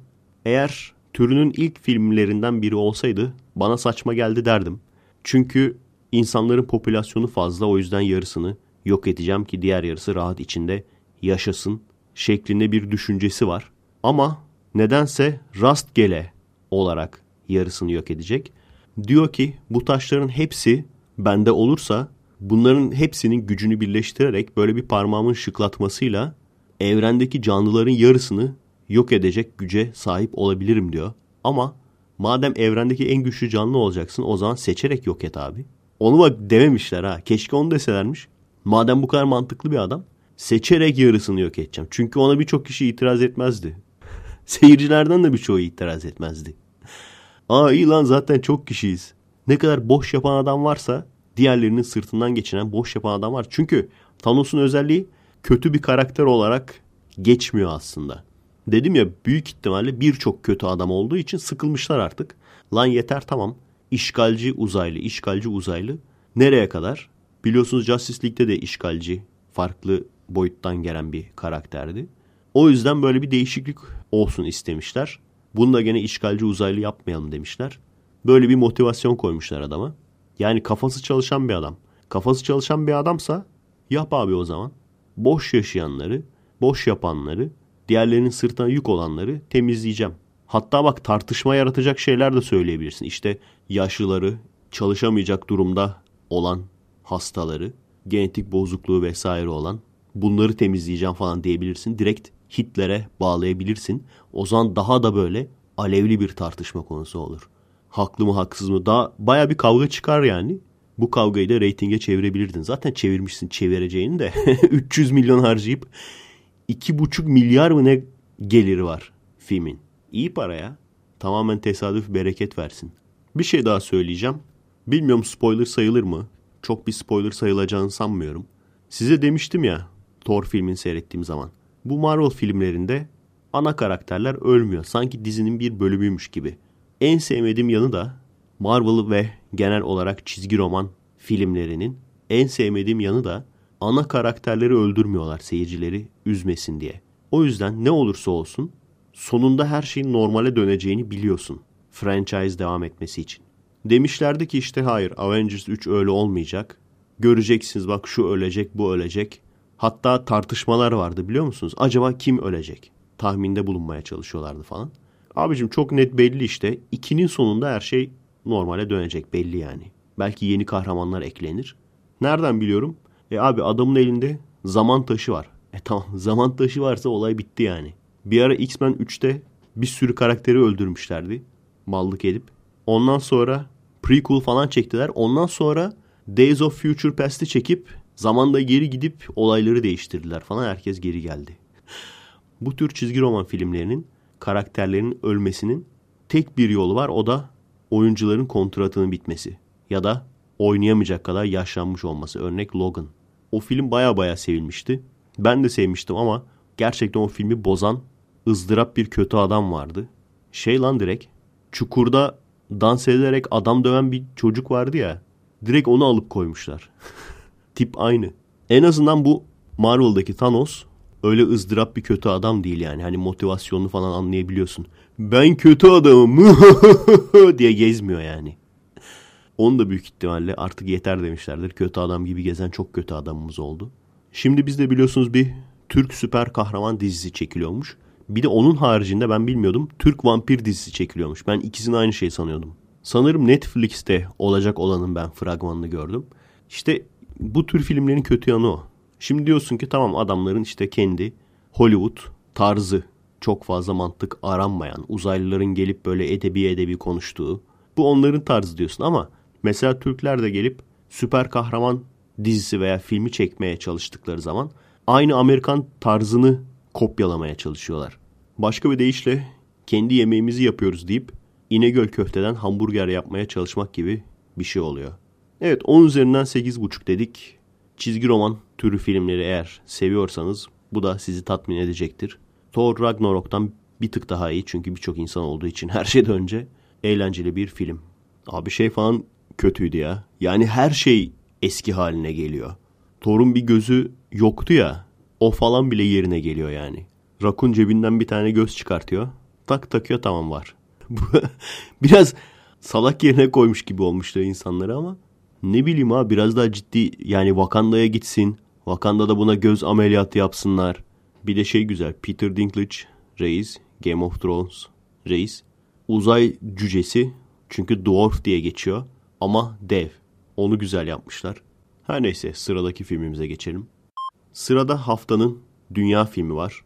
%99 buçuğunuz filmin adını söyleyince ne diyor lan bu diyecek. %0.5 de o diyecek. Çok mu iyimserim? Haftanın dünya filmi Delikatessen. Bu filmi daha önce seyretmiş olan arkadaş var mı? Bana da çok dolaylı yoldan denk geldi. Top 10 yamyamlıkla ilgili filmler gibi böyle garip bir videoda gördüm. Jean-Pierre Jeunet'in filmi. Jean-Pierre Jeunet'i biliyor musunuz? Amélie. Birçoğunuzun seyrettiği ve benim seyretmediğim. Sıra gelecek İnç Dengri. Ve de Alien Resurrection. Birçoğunuzun seyretmeyip benim seyrettiğim. Bu filmlerin yönetmeni. Alien Resurrection'ı ben bayağı sevmiştim. Adamda gerçekten iyi tarz var demiştim. Amelie'nin de fragmanını biliyorum. O yüzden adamda tarz olduğunu biliyorum. Bu filmde beni hayal kırıklığına uğratmadı. Gerçekten tam bir Jean-Pierre Jeunet tarzı var. Fransız yönetmenlerini seviyor musunuz arkadaşlar? Ben neredeyse hiçbirinin filmlerini beğenmiyorum. Luc Besson'dan bahsettik. Çok fazla insanın aşırı beğendiği ama benim eh dediğim. Diğer şu ekstrem korku filmi yönetmenleri vesaire bunların da hiçbirisini beğenemedim açıkçası. Gerçekten Fransız olduklarından değil yani. Tarzları hoşuma gitmedi. Çoğu klişe geliyor bana. Çoğu tahmin edilebilir geliyor. Çoğu mantıksız geliyor. Çoğu yapmacık geliyor. Maalesef Kore filmleri varken Fransız filmlerinin daha böyle kaliteli, daha üst sırada sayılması bence tamamen Fransa'nın Fransa olmasından kaynaklanıyor. O yüzden Jean-Pierre Jeunet sevdiğim tek tük Fransız yönetmenlerden bir tanesi. Delikatessen filminin konusu ne? Bir mahallede geçiyor. Hatta mahalle demek çok büyük olur. Bir apartman önü ve apartmanın içi genel olarak burada geçiyor film. Buraya iş ilanı için bir adam geliyor. İlk başta yanlış adres diyorlar ama adamın şöyle yapısına bakınca gel bizimle çalışabilirsin diyorlar. Adamı içeriye alıyorlar. Bu apartman yamyamların olduğu bir apartman.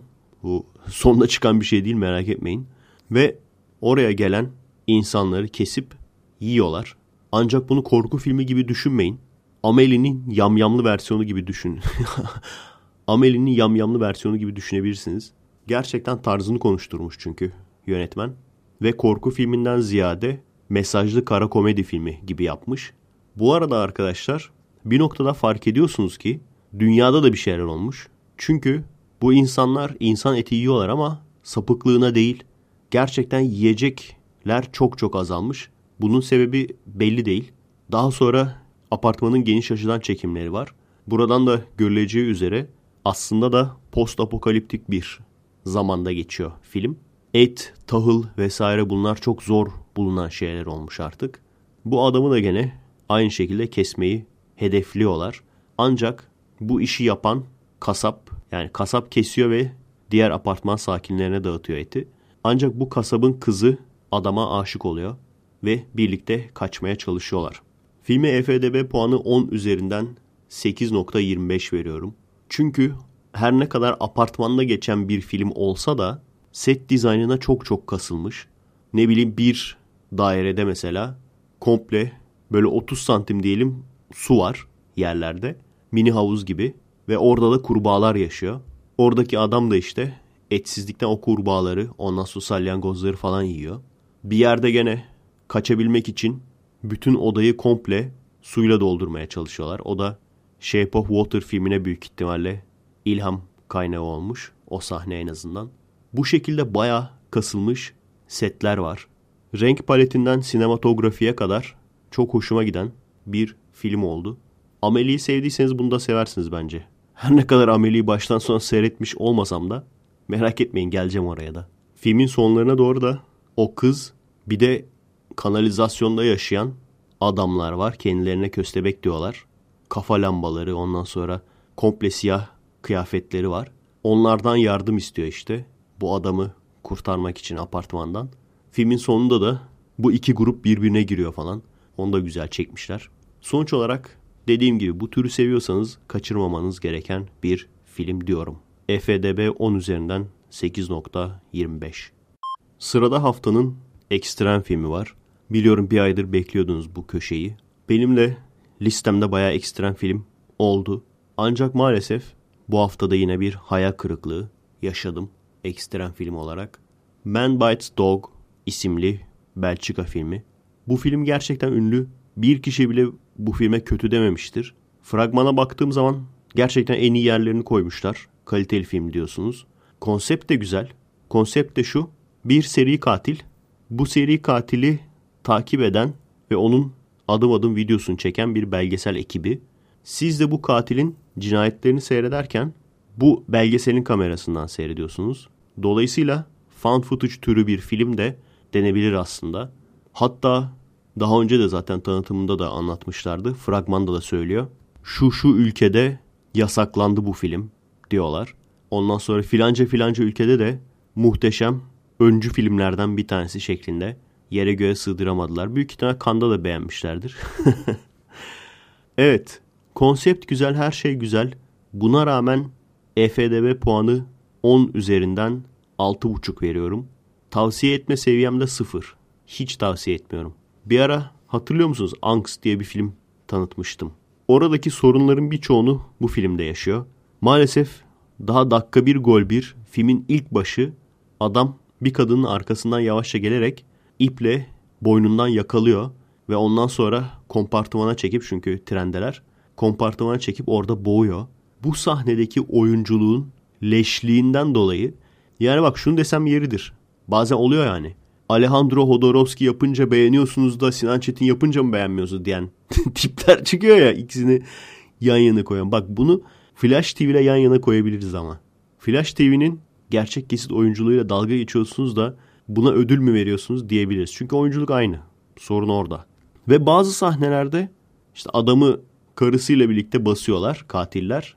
Katil ve set ekibi çünkü set ekibi de adama yardım etmeye başlıyor bir noktadan sonra. Sonra sırayla tecavüz ediyorlar kadına. Orası mesela direkt porno. Onu seyredince fark ettim ki bu adam herhalde normal porno yönetmeni. Oradan yürüyeyim pornografik ve şiddet içeren bir gerçek film çekeyim demiş. Ancak Basemoa'dan falan da kötü. Kesinlikle Basemoa'dan daha kötü bir film. Çünkü şey olur ya cuckold videoları. Cuckold videolarına benziyor.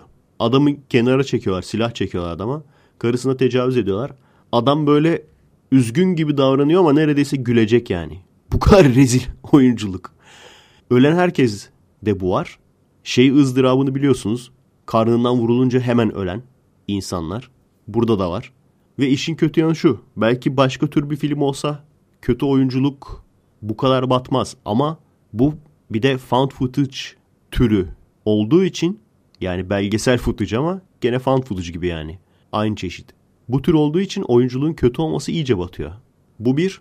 İkincisi şiddet sahneleri. Adamın mesela kafasını mermere çarpacak ya da işte kafası odunla vuracak vesaire. Bunlar aşırı sahte. Yani sahte olduğu besbelli ya. Neredeyse şey olacak. Hani şöyle çenesinin altına elini koyar. Öteki de eline vurunca tokat atmış gibi ses çıkar ya. Neredeyse öyle dövecek adamlar yani. Çok ilginç. Yani mesela bazı tabii şiddet sahnelerini gerçekçi yapmak zor olabilir. Ama o zaman ya fan tutuş yapmayacaksın ya da ona bir kulp bulacaksın. Yani mesela adam tam dövecekken kameraman tiksinecek kamerayı çevirecek falan gibi.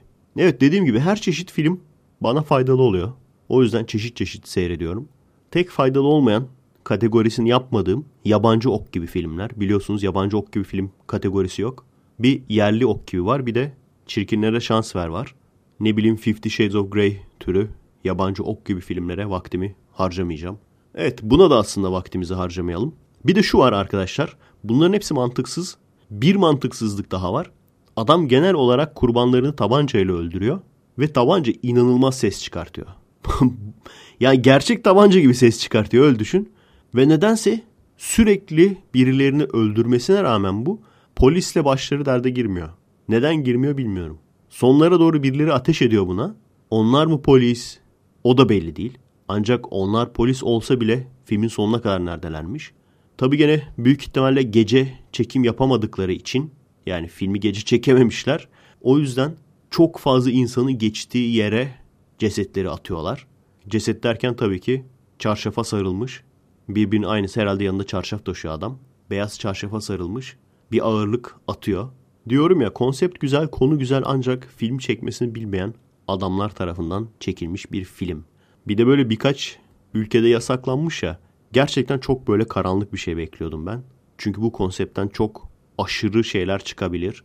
Gerçekçi bile olsan. Yani gerçeği çok abartmana da gerek yok. Çok karanlık şeyler çıkabilir. %10'unu bile karşılamadı beklentimin maalesef. Hiç yasaklamasaymışsınız yani. Yasaklanınız diye bak bir sürü insan seyretti. Çok büyük ihtimalle içinde pornografik sahne var diye bence yasakladılar. Evet Man Bites Dog EFDB puanı 10 üzerinden 6.5. O 6.5'un sebebi de bazı güzel sahneler var. Silahlı çatışma sahnelerinden özellikle. Zaten o güzel sahnelerin hepsini fragmanda görüyorsunuz. Geçelim sıradaki filmimize. Ve evet geldik son filmimize. Günün belgesel filmi Grizzly Man, Werner Herzog isimli bir belgeselcinin hazırladığı bir film. Bu adamı ben bilmiyordum açıkçası. Bayağı ünlüymüş bu adam. Ve bir sürü başka güzel belgeseli de var. Bu belgeselin konusu yani Grizzly Man daha önceden bildiğim bir olay ama bu olayın belgeselinin olduğunu bilmiyordum. O da şu ayıların içinde yaşamaya çalışan bir adam. ayılar tarafından saldırıya uğruyor ve öldürülüyor. Bilme sebebim de şuydu. Seyredilmesi yasak olan 10 korkunç video kaydı gibi bir şeydi. Burada da adamın ölümü videoya kaydedilmemiş çünkü lens kapağı kapalı. Ancak sesler duyuluyor. Yani hem adam ölürken hem de yanındaki asistanı ve kız arkadaşı olan kişi ölürken sesler duyuluyor. Arattığınız zaman sahte versiyonu çıkıyor çünkü gerçek versiyonu hiçbir zaman yayınlanmamış ve büyük ihtimalle de imha edilmiş. Belgeselin bu olayla ilgili olduğunu gördükten sonra IMDB'den diğer belgesel filmlerine de baktım. Üzüldüm. Tüh ya diyorum. Adamın bak bir sürü ne kadar güzel değişik değişik belgeseli varmış. Meğer ölen belgeseli yapan adam değilmiş. Başka bir adam Timothy diye. Werner Herzog da bu adamın belgeselini yapıyor. Konu çok fazla ilginç gelmeyebilir ama seyredince gerçekten hoşuma gitti ve belgesel kategorisi geldikten sonra 3-4 tane belgesel filmi işledik biliyorsunuz. Bunların içinde en ilginç olanı ve en ilgimi çekeni buydu. Çünkü konu ayılarla ilgili değil, konu tamamen bu ölen adamla ilgili, ölen adamın hayatı. Bir, ikincisi de adamın yapmış olduğu çekimler. Ya bir kişi gidiyor çekimlere ya da iki kişi gidiyor.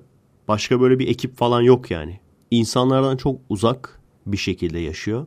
Ve adım adım gün gün bu öldürüldüğü güne gelene kadar neler yaşamış onları görüyorsunuz. Ancak maalesef ses kaydı yok. Yani ses kaydını dinletmiyorlar, yayınlamıyorlar. Anlıyorum tabii. Yakınlarına ayıp olmasın diye, saygısızlık olmasın diye yapmışlar ama dinletseler daha iyi olurdu. Ses kaydında olanları ama anlatıyorlar. Birkaç kişi anlatıyor hatta. Filmin en ilginç yanı bu. Yani gerçek bir fan footage filmi. Filmin en ilginç yanı bu. Ve hoşuma giden yanı da adam öldü diye duyar kasmaya çalışmıyorlar. Adamın yaptığı hataları da söylüyorlar. Objektif davranıyorlar. Adamın neden bu yola girdiğini ve neredeyse kendi kendisini öldürttüğünü anlatıyorlar. Olay şu arkadaşlar. Bu Timothy ismindeki abi hatta gerçek adı Timothy Dexter galiba. Sonradan soyadını değiştiriyor. Bir saniye bakayım. Timothy Treadwell yapıyor adını. Şu bildiğimiz aşırı abartı deli çevreci insanlar var ya onlardan birisi.